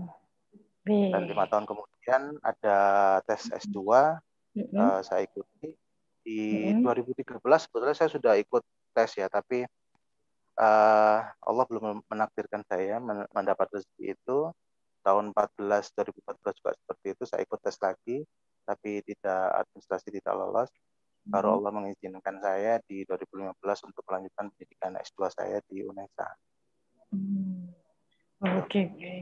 Wah, keren perjalanannya dan karya tulisnya itu tadi Mas. Pasti banyak memerlukan itu tadi. Adik-adik juga. Iya, tesis, ya. tesis saya terkait dengan buku panduan uh, tentang membaca Al-Qur'an Braille. Hmm. Jadi bagaimana karena saya merasakan uh, pendidikan agama di SLB itu kurang ya karena tidak ada ya. atau terbatasnya guru pendidikan agama yang linier dari disiplin ilmunya. Mm -hmm. uh, kemudian mengajarkan Al-Qur'an Braille kepada siswanya. Jadi mm -hmm. saya bikin uh, prototipe terkait dengan buku panduan mm -hmm. uh, membaca Al-Qur'an Braille dasarnya. Dan itu bisa diakses oleh semua orang, Mas? Atau harus membeli atau harus menghubungi Pertuni gitu, Mas? Uh, masih prototipe. Oh, masih prototipe. Belum, belum saya kembangkan lebih lanjut. Ayo Mas dikembangkan Mas. Pasti banyak yang menunggu. Ya. Ya. Ya. Ya. Eh, Mas, ini ada teman yang juga mau bertanya. Boleh langsung tanya langsung ya Mas ya? Monggo, monggo. Oke, nah, Agung saya izin untuk kamu saya spotlight ya, Agung ya. Jadi satu, jadi ya. Oke, silahkan Agung boleh di unmute. Mungkin kan sudah saya ask to unmute. Kamu tinggal klik, lihat, Agung. Oke, Bu. Oke, silakan aku. Uh, sebelumnya, Assalamualaikum warahmatullahi wabarakatuh. Waalaikumsalam warahmatullahi wabarakatuh.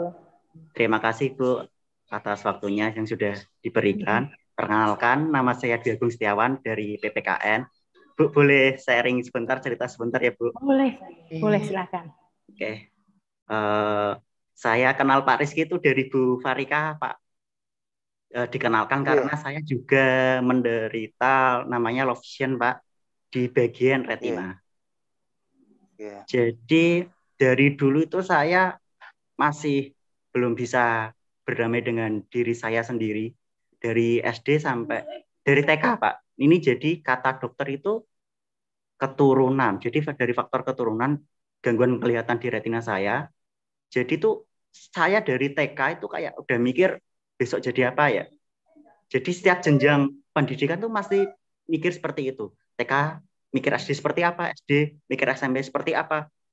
Dan kesalahan saya itu dari TK sampai SMA itu saya benar-benar ingin melupakan itu dengan pelampiasan ya menurut saya itu ibaratnya saya melupakan itu pelampiasannya supaya saya senang dan melupakan itu. Tapi tidak bisa benar-benar berdamai dengan diri sendiri Pak. Baru di kuliah ini saya mendalami lagi bagaimana bisa menerima keadaan saya dan ditambah lagi kesenangan-kesenangan yang saya dulu semisal mikir itu semisal wah gimana ya besok sudah hilang karena biasalah Bu di umur 20-an quarter life crisis Bu. Jadi masalahnya tambah double. Benar-benar gimana ya? Pikiran saya itu pasti soal penglihatan besok jadi apa ya, besok jadi apa. Kecemasan-kecemasan itu yang membuat saya gimana ya besok ya, gimana ya besok ya. Nah, saya dikenalkan Pak Rizky dari Bu Farika benar-benar di kuliah tuh saya belajar banyak dan untuk bisa menerima diri sendiri itu benar-benar waktu yang sangat panjang karena di TK sampai SMA mungkin dari lingkungan keluarga saya hanya mensupport udah bisa. Tapi ketika saya melakukan kesalahan dengan penglihatan saya, ya kayak diketawain gitu, kayak jadi ngedon sendiri. Jadi dari pihak keluarga cuma support, tapi tidak tahu apa yang saya butuhkan. Jadi pas ujian nasional SD, SMP, SMA, saya selalu pakai lampu dan ngisi biodata itu hampir 30 menit sampai 45 menit. Jadi seperti itu pengalaman saya. Yang saya tanyakan seperti ini, Pak. Bagaimana sih menjaga motivasi untuk maju dengan keadaan yang seperti ini? Dan bagaimana cara menghilangkan pemikiran-pemikiran yang negatif karena benar-benar saya merasakan itu. Terima kasih Pak sudah. Ya. Yeah. Semangat ya Mas. Semangat. Uh, iya Pak. Ya, dunia belum berakhir. Iya Pak. Dan Agung, Agung sekarang sudah terbuka dengan teman-teman kah bahwa Agung ada keterbatasan penglihatan, Kung? Kalau dulu kan Agung belum terbuka kan, Kung? Sudah Bu, mungkin tapi dari guru ataupun dosen malah yang agak kurang. Kalau teman-teman ya mendukung. Oh, iya. Sip. Ya. Nah ini sekarang mumpung ada Mas Rizky bisa saling share langsung ya, Gung ya. Untuk ya, Monggo Mas Rizky. Oke. Okay. Uh, eh, jadi kalau kalau saya mengamati perjalanan hidup saya, jadi saya sudah sudah menjalani ketunanetraan ini kurang lebih yeah uh, 24 tahun ya 23 tahun. Jadi masa yang ya, lumayan saya jalani dari usia kecil. Memang uh, begini uh, kalau saya amati peran peran utama dalam dalam menjaga dan mengembalikan uh, meng, mengembalikan posisi kita itu adalah pendekatan terhadap Tuhan jadi mendekatkan diri uh, dengan Tuhan, dengan Allah Subhanahu wa taala. Bahwasanya seperti tadi Bapak Kaprodi ya menyampaikan tidak ada satupun produk Allah itu yang gagal ya. Jadi kita yakin bahwasanya uh, siapa pun yang tercipta di dunia itu sudah ada porsinya.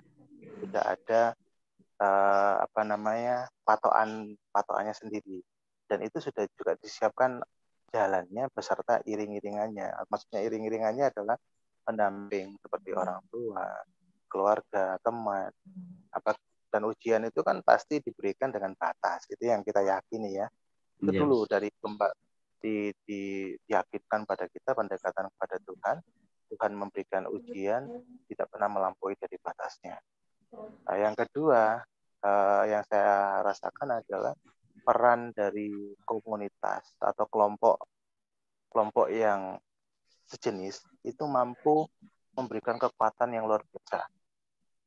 Ya, seperti yeah. orang yang difonis kanker, kemudian di, di vonis dokter tiga bulan akan meninggal. Tapi ketika dia bergabung kepada komunitas kanker, di situ ada apa berbagi cerita ya sebelumnya dia nggak punya teman untuk cerita tentang rasa sakitnya, tentang kesepiannya, tentang kesedihannya, tentang ketakutannya. Dia nggak pernah cerita. Karena menurut penderita kanker, orang lain nggak bakal ngerti apa yang dirasakan, nggak bakal nyambung. Paling iya sabar, iya sabar. Tapi ya, ketika itu dibagikan kepada penderita kanker yang sama, sesama penderita kanker, dia lebih luas untuk menceritakan itu akhirnya itu lepas uh, kegelisahannya kesedihannya ketakutannya dan bahkan mendapatkan feedback yang luar biasa. Dia mendapatkan cerita oh ternyata penderita kanker yang lain tuh cara cara mempertahankan hidupnya seperti ini. Dia berbuat baik dia berbagi kebahagiaan oleh siapa pun. Dia berbagi uh, ke kesenangan dengan siapa pun berbagi tawa dengan siapa saja.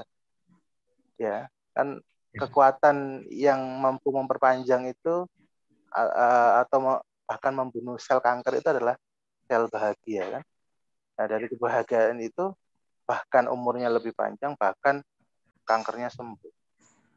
Kankernya hilang. Itu yang yang adalah kekuatan sugesti yang sungguh luar biasa. Kalau di di dunia psikologi pasti paham itu ya tentang sugesti uh, positif bahasanya berbagi kebahagiaan itu sesungguhnya itu adalah untuk membahagiakan diri kita sendiri. Menyenangkan orang lain sebetulnya untuk menyenangkan diri. Nah, dari sugesti kita bercerita pada kelompok yang sama, kemudian dari sisi support uh, psikologi sudah dapat, kita mendapatkan ilmu yang lain. Misalnya tadi itu saya bercerita, temannya biasanya diantar ke mana-mana, kemudian tahu temannya jalan sendiri naik angkot ya ini kan dia termotivasi. Saya waktu tahu uh, kakak tingkat saya bisa ke mana-mana keliling Surabaya naik angkot sendiri itu saya tanya mas kok iso samain mas naik angkot? Ya iso. Ya bisa aja kenapa? Gitu caranya ya apa mas? Caranya gimana mas? Ya naik kakinya dulu. Ya iya kan kayaknya kakinya dulu terus apa yang menjadi masalah gitu. Artinya caranya sama. Seperti kita naik angkot pada orang pada umum yang berbeda adalah niat kita ketika naik angkot. Kita mau naik angkot ini mau ngapain? Kita mau naik angkot ini mau mau uh, apa namanya mengenal dunia luar kah? Mau mendapatkan hal baru kah? Ya, itu yang yang dari menjalani hidupnya dari niatnya itu. Bagaimana kita uh, apa namanya me mengawali dengan sebuah niat. Kita mau ke mana nih?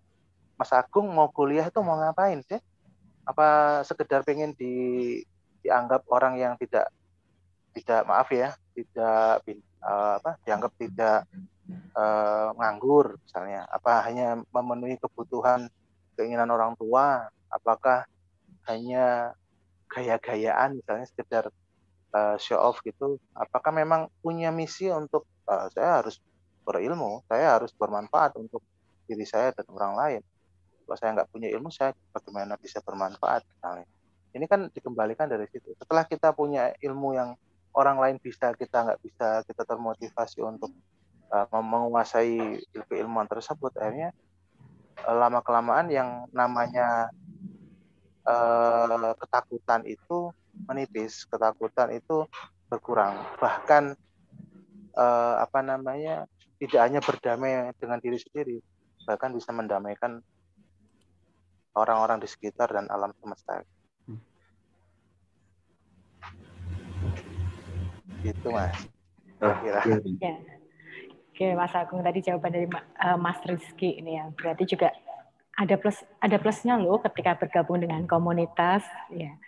Betul. Nah, semakin banyak yang menguatkan Coba, dan dikuatkan. Coba Mas Agung ken, iya kenali uh, komunitas setempat ya, nggak usah jauh-jauh uh, luar kota. Pasti di setiap kota kabupaten ada kok eh, minimal pertuni ya. ya pertuni karena ini uh, organisasi masa struktural tingkat pusat sampai cabang ada insya Allah di Semarang sahabat mata ya kami pernah mengundang teman-teman dari sahabat mata Nah, yeah. ini ada Bu Farika nih. Bu Farika selama ini juga mendampingi Mas Agung ya, Mas. Iya, Bu. Saya hanya mengantarkan kemudian saya oper ke Bu Farika. Ya. Dan karena Bu Farika juga banyak bekerja dengan teman-teman ABK ketika beliau kuliah S2 ya Bu Farika ya. Mungkin Bu Rika ada yang mau disampaikan ke Mas Agung. Saya harus ngomong apa ya Bu?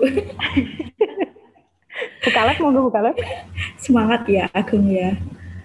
Iya Bu, semangat. Terus speechless pokoknya Bu Farihas. Ojo semangat semangat tak selentek nanti loh. iki iki ekologis banget, apa GK banget ini nyelentek. Iya. Iya. Iya nanti kapan-kapan Alhamdulillah kemarin Bu Faria sudah dapat kontaknya dari apa ketuanya sahabat mata nanti mungkin kita bisa ke sana Ben Agung punya semangat untuk menyelesaikan. Seperti apa kata dari Mas Rizky tadi teman-teman yang lain bisa. Bisa kuliah beliau juga punya motivasi untuk bisa selesai bisa kuliah dan menyelesaikannya. Teman-teman yang lain bisa jadi guru beliau juga punya motivasi untuk bisa jadi guru. Nah Agung juga gitu. Teman-teman lain bisa menyelesaikan kuliah Agung juga bisa untuk menyelesaikan kuliah. Kita itu punya kesempatan dan hak yang sama untuk memperoleh pendidikan. Gitu ya, Gung. Ya. Semoga ini pertemuan virtual kita hari ini dengan uh, Mas Ariski bisa memberikan semangat untuk teman-teman semua, tidak hanya Agung, tapi semua saja, semua mahasiswa BK dan juga uh, mungkin untuk Bapak Ibu guru yang nantinya mendampingi uh, siswa-siswi yang berkebutuhan khusus, khususnya yang mengalami gangguan penglihatan, jangan bedakan mereka. Mereka itu sama seperti kita. Mereka punya kemampuan yang berbeda dengan kita. Ada potensi-potensi yang memang harus dikembangkan, yang perlu kita dampingi gitu. Jadi jujur ini adalah yo saya terharu gimana gitu bisa kolaborasi antara mata kuliah BKA BK dengan ngobar. Terima kasih Bu Desi dan Bu Emma. Sama-sama sama Rika. Ya. Thank you Bu Farika. Nah, uh, saya coba membuka kembali, Mas, uh, Mas Rizky. Saya buka kembali ya kalau misalnya ada adik-adik yang mau tanya langsung ya, Mas. Siap, siap. Ya. Soalnya ini kalau yang ditulis ini pertanyaannya ada ratusan, Mas. Nah, oke. Okay.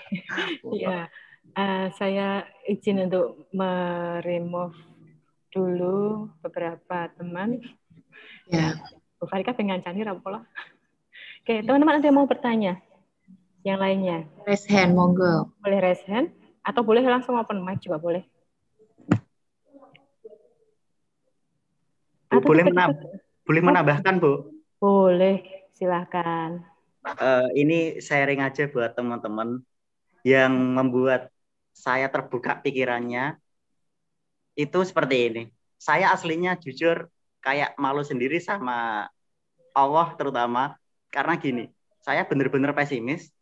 Terus ketika saya selesai sholat selesai ngaji benar-benar nangis melihat keadaan saya benar-benar saya ketakutan dan kecemasan akan masa depan. Benar-benar posisi itu benar-benar udah mentok udah udahlah nangis kayak gitu. Tapi beberapa beberapa hari kemudian Allah itu menjawab semua seakan-akan benar-benar saya malu. Soalnya gini, uh, beberapa hari kemudian saya tiba-tiba di ibaratnya diminta untuk ngelesi ya bu, ibaratnya ngelesi ya, ngelesi anak. Padahal itu nggak ada angin, nggak ada, hujan, tiba-tiba seperti itu. Jadi benar-benar Allah menjawab pertanyaan saya mengapa saya seperti ini dengan keadaan seperti ini dengan semua itu udah ada porsinya masing-masing, udah diberikan rezekinya masing-masing. Intinya buat semua tetap semangat ya. Walaupun okay. hati ini masih tergores, pura-pura bahagia saja. Kalau bisa bahagia asli ya. Kalau tergores dan pura-pura bahagia, berarti belum bahagia sebetulnya nih. Ya, ini senggolan sama siapa ini Mas Agung nih ya, kok tergores ya senggolan yang sudah meninggalkan Bu di saat udah sayang-sayangnya. yang bernamanya ya. Yang namanya menerima itu bukan berarti kemudian nanti suatu saat kita nggak bisa sedih, kita iya. nggak yeah. bisa kecewa. Proses itu akan ada, tapi kita tetap berada di posisi yang oke. Okay, ya, saya bisa mempertahankan posisi yang baik, saya bisa uh, lerem dan fokus pada apa yang bisa saya lakukan. Oke, ini ada Mas Kamal yang juga mau bertanya. Ya silakan Mas Kamal, sebentar saya ask to unmute dulu. Eh, kita ketemu lagi semester ini Mas Kamal. Hai. silakan. Ya. Kacau aku kuliah dengan Mas Kamal. ya, silakan Mas Kamal. Pesta ask to unmute. Ya, Assalamualaikum warahmatullahi wabarakatuh. Waalaikumsalam. Ini begini uh, untuk Mas Rizky ya, ini ya. sangat sangat apa ya namanya ya, uh, memberikan saya informasi baru terkait dengan komunitas yang seperti ini. pada umumnya itu jika orang mengalami uh, misalnya hal yang sama kesetaraan misalnya uh, orang kalau cerita dengan sesama yang yang dialaminya itu akan lebih plong dan saya tahu komunitas ini baru kali ini dan sebelumnya saya juga mempunyai seorang nenek sosok nenek yang saya kagumi sekali dia sama uh, pada dasarnya dia tunanetra sejak lahir. Yeah.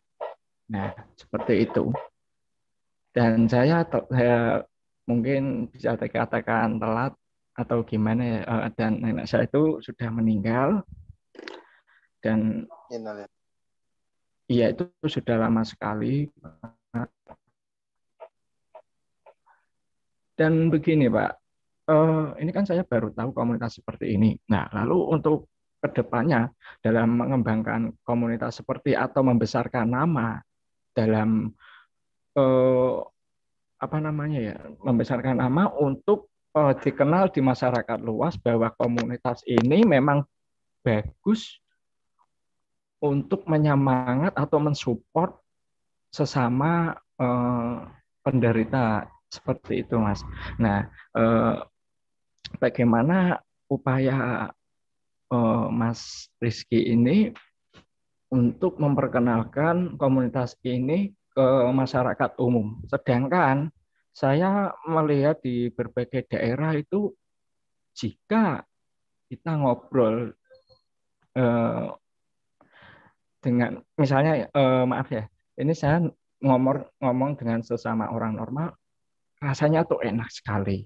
Dan saya ngomong dengan uh, nenek saya itu dia itu eh, kadang-kadang uh, saya juga bingung mas menggambarkan visualnya seperti apa. Tapi ketika nenek saya ngomong sama atau berbincang-bincang dengan kakek saya yang uh, sedarah buyut itu sama-sama tunanetra ngomongnya itu saya dengar-dengar enak banget dan seperti uh, layaknya layaknya orang normal biasa.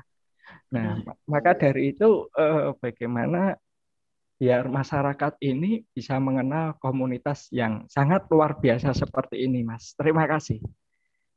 Iya, terima kasih. Ya, terima kasih Mas Kamal.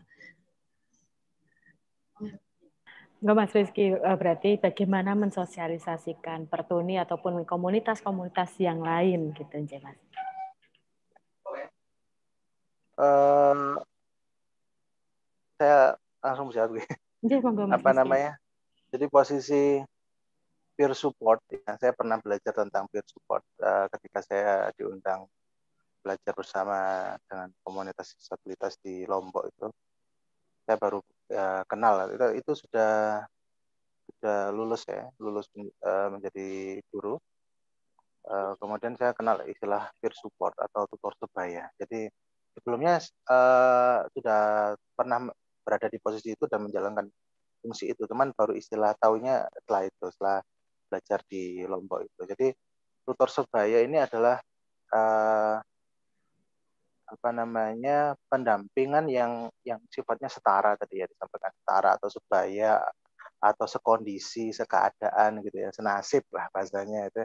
Eh, senasib ini bisa bisa mempunyai peran yang luar biasa. Tapi kalau seandainya itu kalau kalau senasib jika memang kondisinya sama, tapi bagaimana bagaimana misalnya kondisinya tidak sama untuk mudah menarik uh, apa namanya orang masuk ke dalam disab, uh, komunitas disabilitas.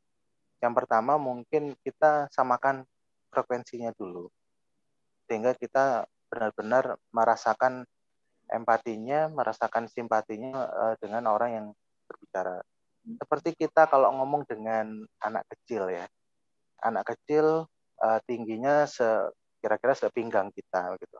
Kan tidak mungkin anak-anak kecil itu selalu mendongak melihat kita menatap mata kita dan dengan posisi kita berdiri.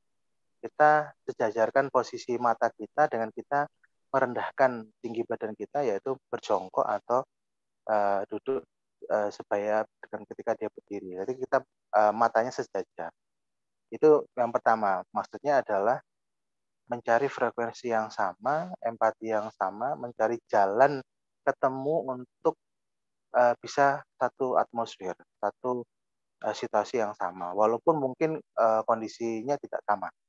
Misalnya uh, ternyata sama-sama suka uh, membaca buku. Nah, kita melalui media itu, oh ternyata uh, teman kita yang disabilitas ini atau anak atau saudara kita atau siapa pun yang mengalami hambatan penglihatan dia suka membaca buku dengan cara mendengarkan audiobook misalnya atau mendengarkan channel channel YouTube yang uh, membacakan buku. Atau uh, orang ini suka sepak bola. Kita ngomong dengan yang sama-sama senang-senang dulu.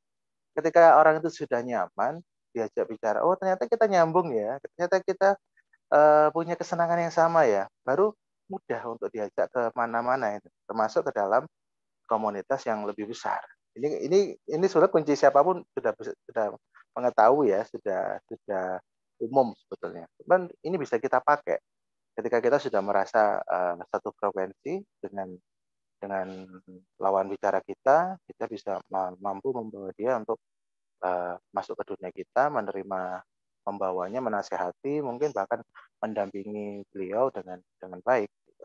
Nah, maka dari itu, kenapa kok sesama tunanetra ngomongnya itu gayeng, ngomongnya itu kok uh, los gitu ya, tanpa batas, sehingga sedang kita kita itu masih dibatasi, gak enggak tersinggung, gak enggak uh, apa namanya marah gitu, atau mungkin uh, menutup diri malah nggak mau ngomong lagi. Ya ini ketakutan justru ketakutan dari kita dari kita sendiri. Ya tentunya kita menggunakan bahasa yang yang sama dengan dengan situasi yang sama. Kira-kira seperti itu. Ya justru dengan komunitas kita seperti menjadi lebih bisa terbuka apa adanya gitu ya. Dan kalau okay. untuk ya kalau untuk yang bayi ataupun anak-anak itu kalau di Jawa Tengah Mas, tapi juga di Jakarta juga ada ya Mas ya dengan Bu Prima itu ada baby community. Ya, yeah. mungkin Mas Rizky juga person ya Mas Rizky ya. Dan yeah. juga sudah mengenal ada baby community itu untuk yang anak-anak tunanetra itu komunitas. Jadi orang tua yang bergabung nanti akan ada edukasi tentang bagaimana stimulasi anak-anak untuk anaknya. Ya. Betul. Ya, nanti kemudian ada yang sahabat mata itu biasanya sudah remaja ya Mas Rizky ya. Kemudian ya, kartuni lebih semuanya. Hmm, lebih umum ya. Ya, lebih umum. Baik. Mas Kamal ada lagi yang mau ditanyakan? Atau hmm? Oh, sudah ter-unmute ya. sudah di-unmute. Ya sudah unmute. Ya wes. Oke okay, thank you. Nanti bisa catatkan ya mas ya. Ya terima iya. kasih yeah. mas Rizky. Ya. Oke okay, ada Bu Titi. Oke. Okay. wait a minute. Tunggu ya Bu Titi ya. Oke. Okay. Bu Titi atau Mbak Titi ini? Sebentar saya akan mencari dulu di daftar nama. Ada pertanyaan. Biar bisa saya unmute. Oke. Okay. sudah bisa minta tolong di unmute Mbak uh, Bu Titik atau Mbak Titik? Mm -mm. Halo. Ya, silakan Ibu. Iya. Assalamualaikum. Ini. Waalaikumsalam Ibu. Ya. Waalaikumsalam ya. warahmatullahi wabarakatuh. Iya, Bu, ini uh, saya dari PG PAUD. Ya. Saya mau bertanya sama Bapak Bapak sama Bapak gitu Pak dalam ya. kehidupan praktis gitu ya. Pak nggih. Dalam kehidupan ya. praktis itu apa itu Pak nggih? Apa selalu didampingi sama sama ya mungkin saudara atau bagaimana yang bisa melihat begitu Pak termasuk saat mengambil uang di ATM begitu Pak bagaimana ini Pak? Karena saya tuh gimana ya Pak ya pengetahuan lagi oh, hilang sebentar ya hilang ini ah, oke okay. tunggu apa saya saya ngeklik jangan-jangan saya saya ngutang adik mau jadi hilang ya. ya. Okay. Ya, uh, mungkin pertanyaannya adalah uh, kapan saja kemudian apakah kemudian teman-teman tunanetra itu harus didampingi secara terus-menerus? Um, apa namanya? Kalau saya pribadi uh, dan beberapa teman-teman kami yang uh, sudah menguasai orientasi mobilitas dengan baik, dia akan menjalani hidupnya dengan dengan sendiri ya. Maksudnya mandiri. Yeah. Iya. Uh, kalau membutuhkan bantuan itu pasti ya, karena kita tidak sekalipun orang yang non disabilitas kan tetap butuh bantuan orang lain ya. Mm-hmm. Uh, apa namanya? Uh, prinsipnya seminimal mungkin kita tidak merepotkan orang lain. Tapi kalau memang uh, membutuhkan bantuan sepanjang itu dibutuhkan, saya akan meminta bantuan. Tetapi kalau itu masih bisa saya kerjakan uh, secara mandiri, saya akan kerjakan. Kalau saya berangkat ke sekolah, saya ngajar, uh, saya uh, cukup pesan ojek online secara mandiri di perangkat smartphone saya, kemudian diantar ke titik uh, bis atau angkutan luar kota karena posisi rumah dengan tempat kerja saya sekitar 25 kilo, okay. uh, yaitu 40 menit perjalanan. Itu saya lakukan secara mandiri. Uh, kemudian untuk aktivitas yang masih membutuhkan bantuan itu ya seperti tadi ATM. Kenapa kok kita masih butuh bantuan? Karena medianya belum akses tuh. Seandainya hmm. ATM itu akses buat saya, saya akan lakukan itu secara mandiri. Jadi hmm. sebetulnya saya meminta bantuan bukan saya itu tunanetra, yeah. tetapi apa lebih pada media di sekitar saya atau uh, fasum fasilitas umum yang ada masih belum mendukung saya untuk melakukan itu secara mandiri itu uh, prinsipnya pada pada kami yang sudah menguasai orientasi mobilitas. Sama seperti naik motor. Ya, walaupun saya mandiri, saya kan tidak mungkin nekat naik motor sendiri ya. kalau yeah. cuma naik aja nggak apa-apa, tapi kalau sampai mengendarai itu nggak mungkin ya. Kalau yeah, cuma yeah. naik di joknya gitu nggak apa-apa sendiri, tapi kalau sampai mengendarai uh, atau mungkin kalau hanya sekedar ingin mencoba bolehlah kita uh, didampingi dengan uh, ahli apa namanya uh, driver begitu ya untuk pengen hmm. gimana sih cara mengendarai mobil boleh tapi di tentunya di lokasi yang aman yang terkendali sehingga mungkin bisa merasakan posisi kita uh, nyetir itu bagaimana merasakan sensasinya bahkan hmm. teman-teman ini sekarang lagi lagi uh, lagi seneng sama alam ya. Jadi ada beberapa teman naik gunung, kemudian rafting, hmm. arung jeram, bahkan ada teman saya yang sudah nyoba snorkeling, yaitu penyelaman itu ya gabung komunitas ke komunitas penyelaman kemudian merasakan juga sensasinya walaupun nggak bisa ngelihat di dalam laut itu hmm. apa tapi dia ngerasakan dengan uh, seluruh anggota badannya yang ada ini oh ini rasanya nanti ada ada komunikasi dengan uh, penyelam yang lain untuk menginformasikan situasi yang ada di dasar laut. Hmm, Oke, okay. jadi tetap bisa mendapatkan banyak pengalaman seru Ya. Yeah. Jadi, jadi inspirasi nanti bagi apa namanya kita kita kapan akan piknik mengalami yeah, kami diajak yang disabilitas yang teman-teman. Ya tentunya ya. Seru, mau ini Mas uh, Rizky ya mau sekali karena kapan kita kolab ya piknik gitu ya. Saya jarang diajak piknik sama Bu Farika masalahnya. Itu kan Bu Farika menang. Oke, okay, karena ini sudah mau jam 5 gitu ya, Mas Rizky. Kami mau uh, minta closing statement dong Mas Rizky dari Mas Rizky dengan perjalanan Mas Rizky, kemudian uh, bagi kami yang uh, nantinya berkecimpung di dunia BK ataupun psikologi, uh, ada pesan-pesan atau closing statement apa yang mau Mas Rizky kuatkan mengenai diri Mas Rizky ataupun teman-teman tunanetra ataupun pelayanan bagi BK? Monggo Mas Rizky. Ya, terima kasih sebelumnya untuk ya uh, di Bapak Ibu dosen, Bapak Kaprodi, seluruh peserta, mahasiswa maupun Bapak Ibu guru BK yang sudah hadir ya. Uh, saya hanya sebagian kecil uh, informan yang bisa diajak diskusi. Tentunya banyak yang lebih ahli dari saya, banyak yang lebih uh, luas wawasannya lebih dari saya. Uh, dalam kesempatan ini, uh, saya hanya menitipkan pesan. Pertama, kesempatan pendidikan itu punya adalah hak semua warga negara tanpa ada batasan, tentunya dengan disesuaikan dengan kondisi dan keadaannya. Yang kedua, uh, kunci dari sebuah pendidikan adalah komunikasi dan menjaga interaksi itu dengan baik. menurut saya.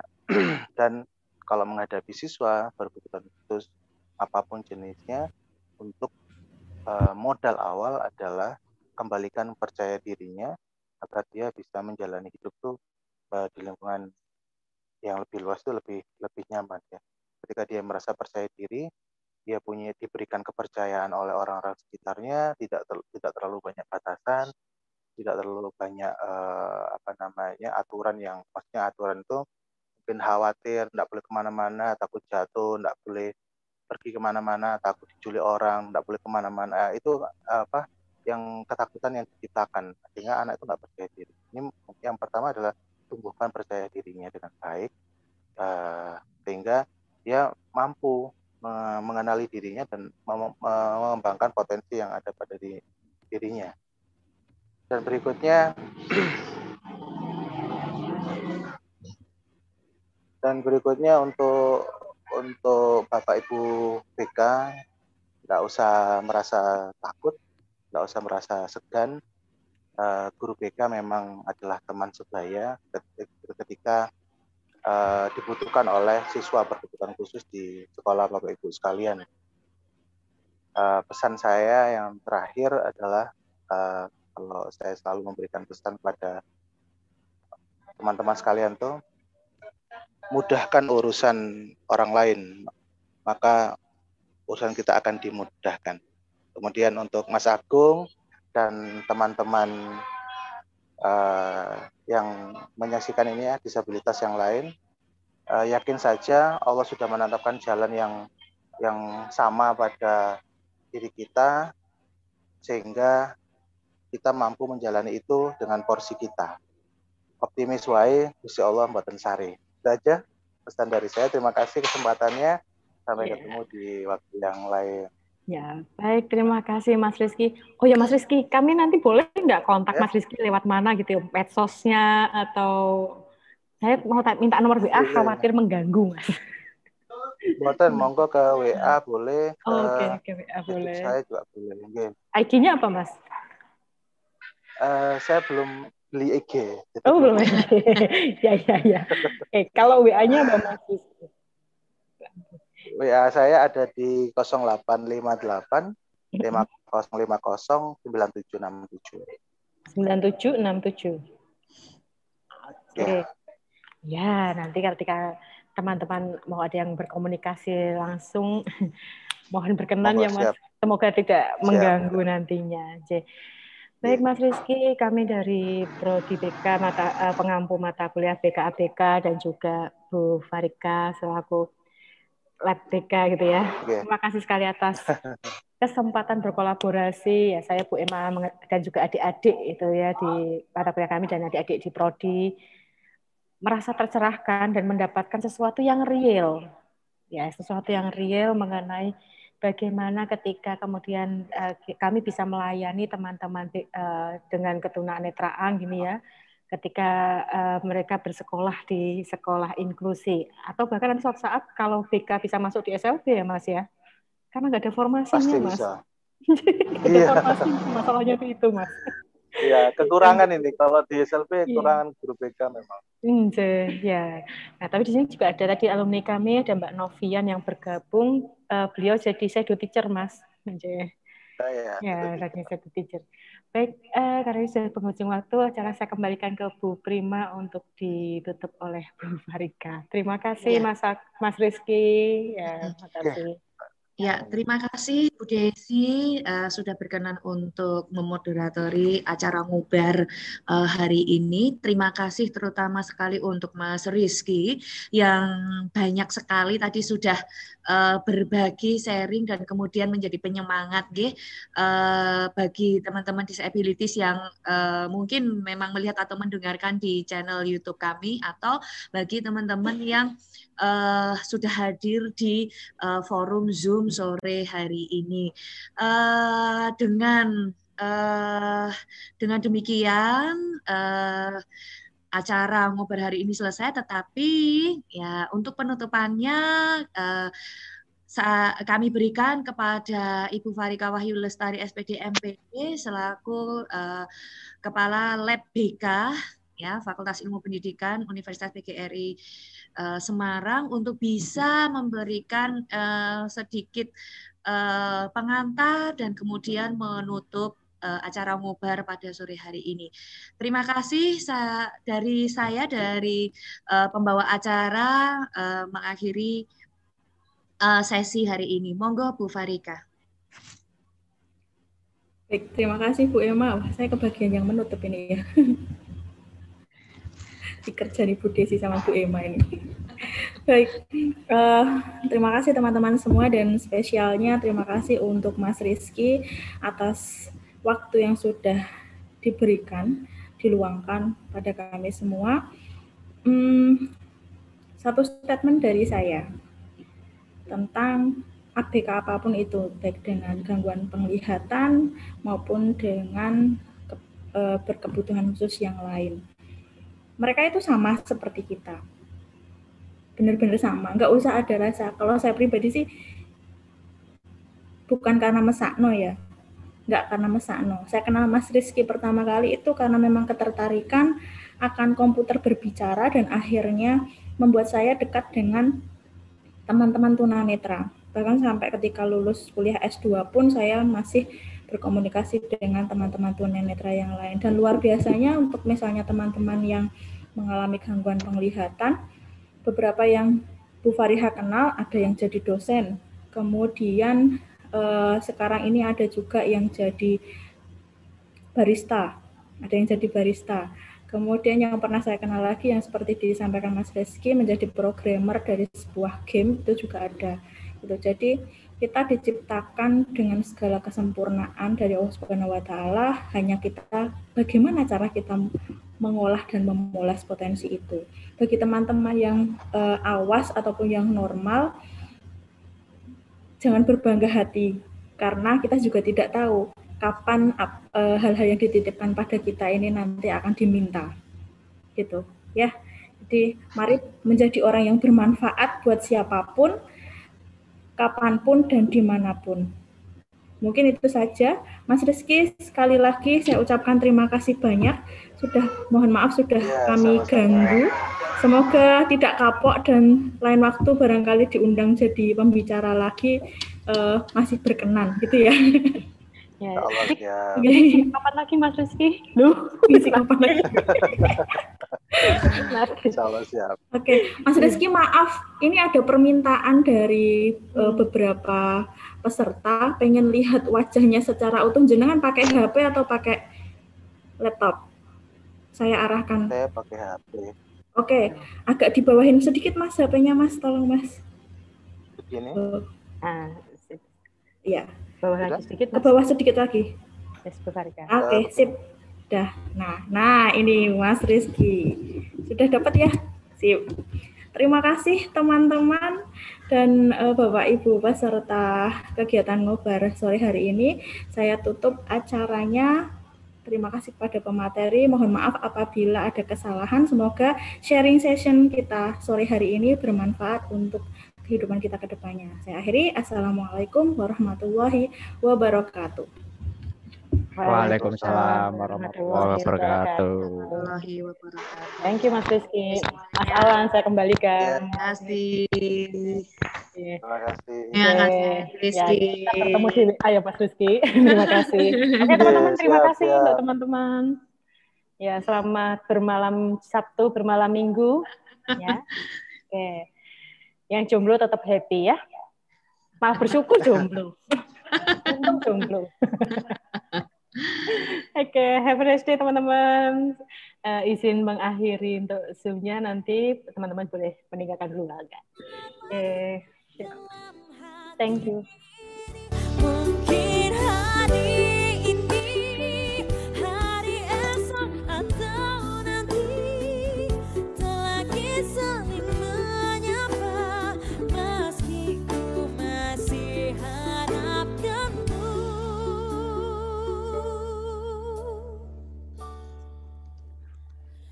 Latifah kemudian nih kelihatan dia tertutup background Latifah kamu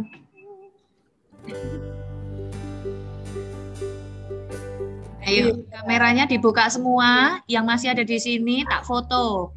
Foto. Yuk. Mas Rizky uh, Udah, udah. Kalau Mas Rizky sudah tadi. Mas Rizky sudah.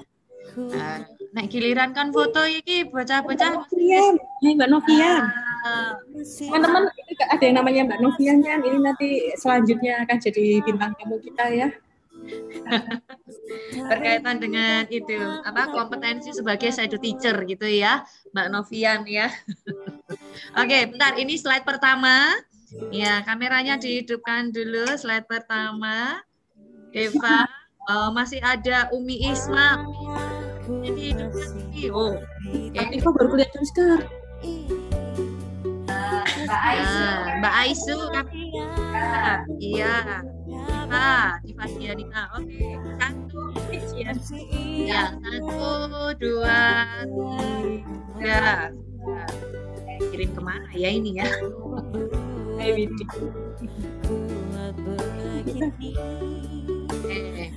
eh, bentar, Ini saya saya share dulu ya. Ya,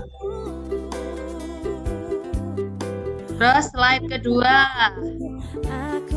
Uh, slide kedua banyak yang kameranya masih mati. Syafira Nurfaiza, Devi.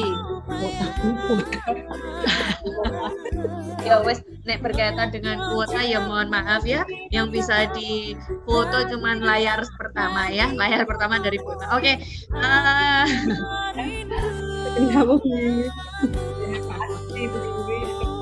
Oh, ada Bu Wiwi. Terima kasih Bu Wiwi Kak di layar pertamanya Bu Desi ya. Oke, okay. uh, terima kasih bagi apa uh, teman-teman yang sudah hadir, kemudian teman-teman ini informasinya. Dan saya mohon izin untuk lift. Ya. Kami uh, akan kami uh, eh, offkan. Oke, okay, terima kasih semuanya. Selamat sore. Selamat sore,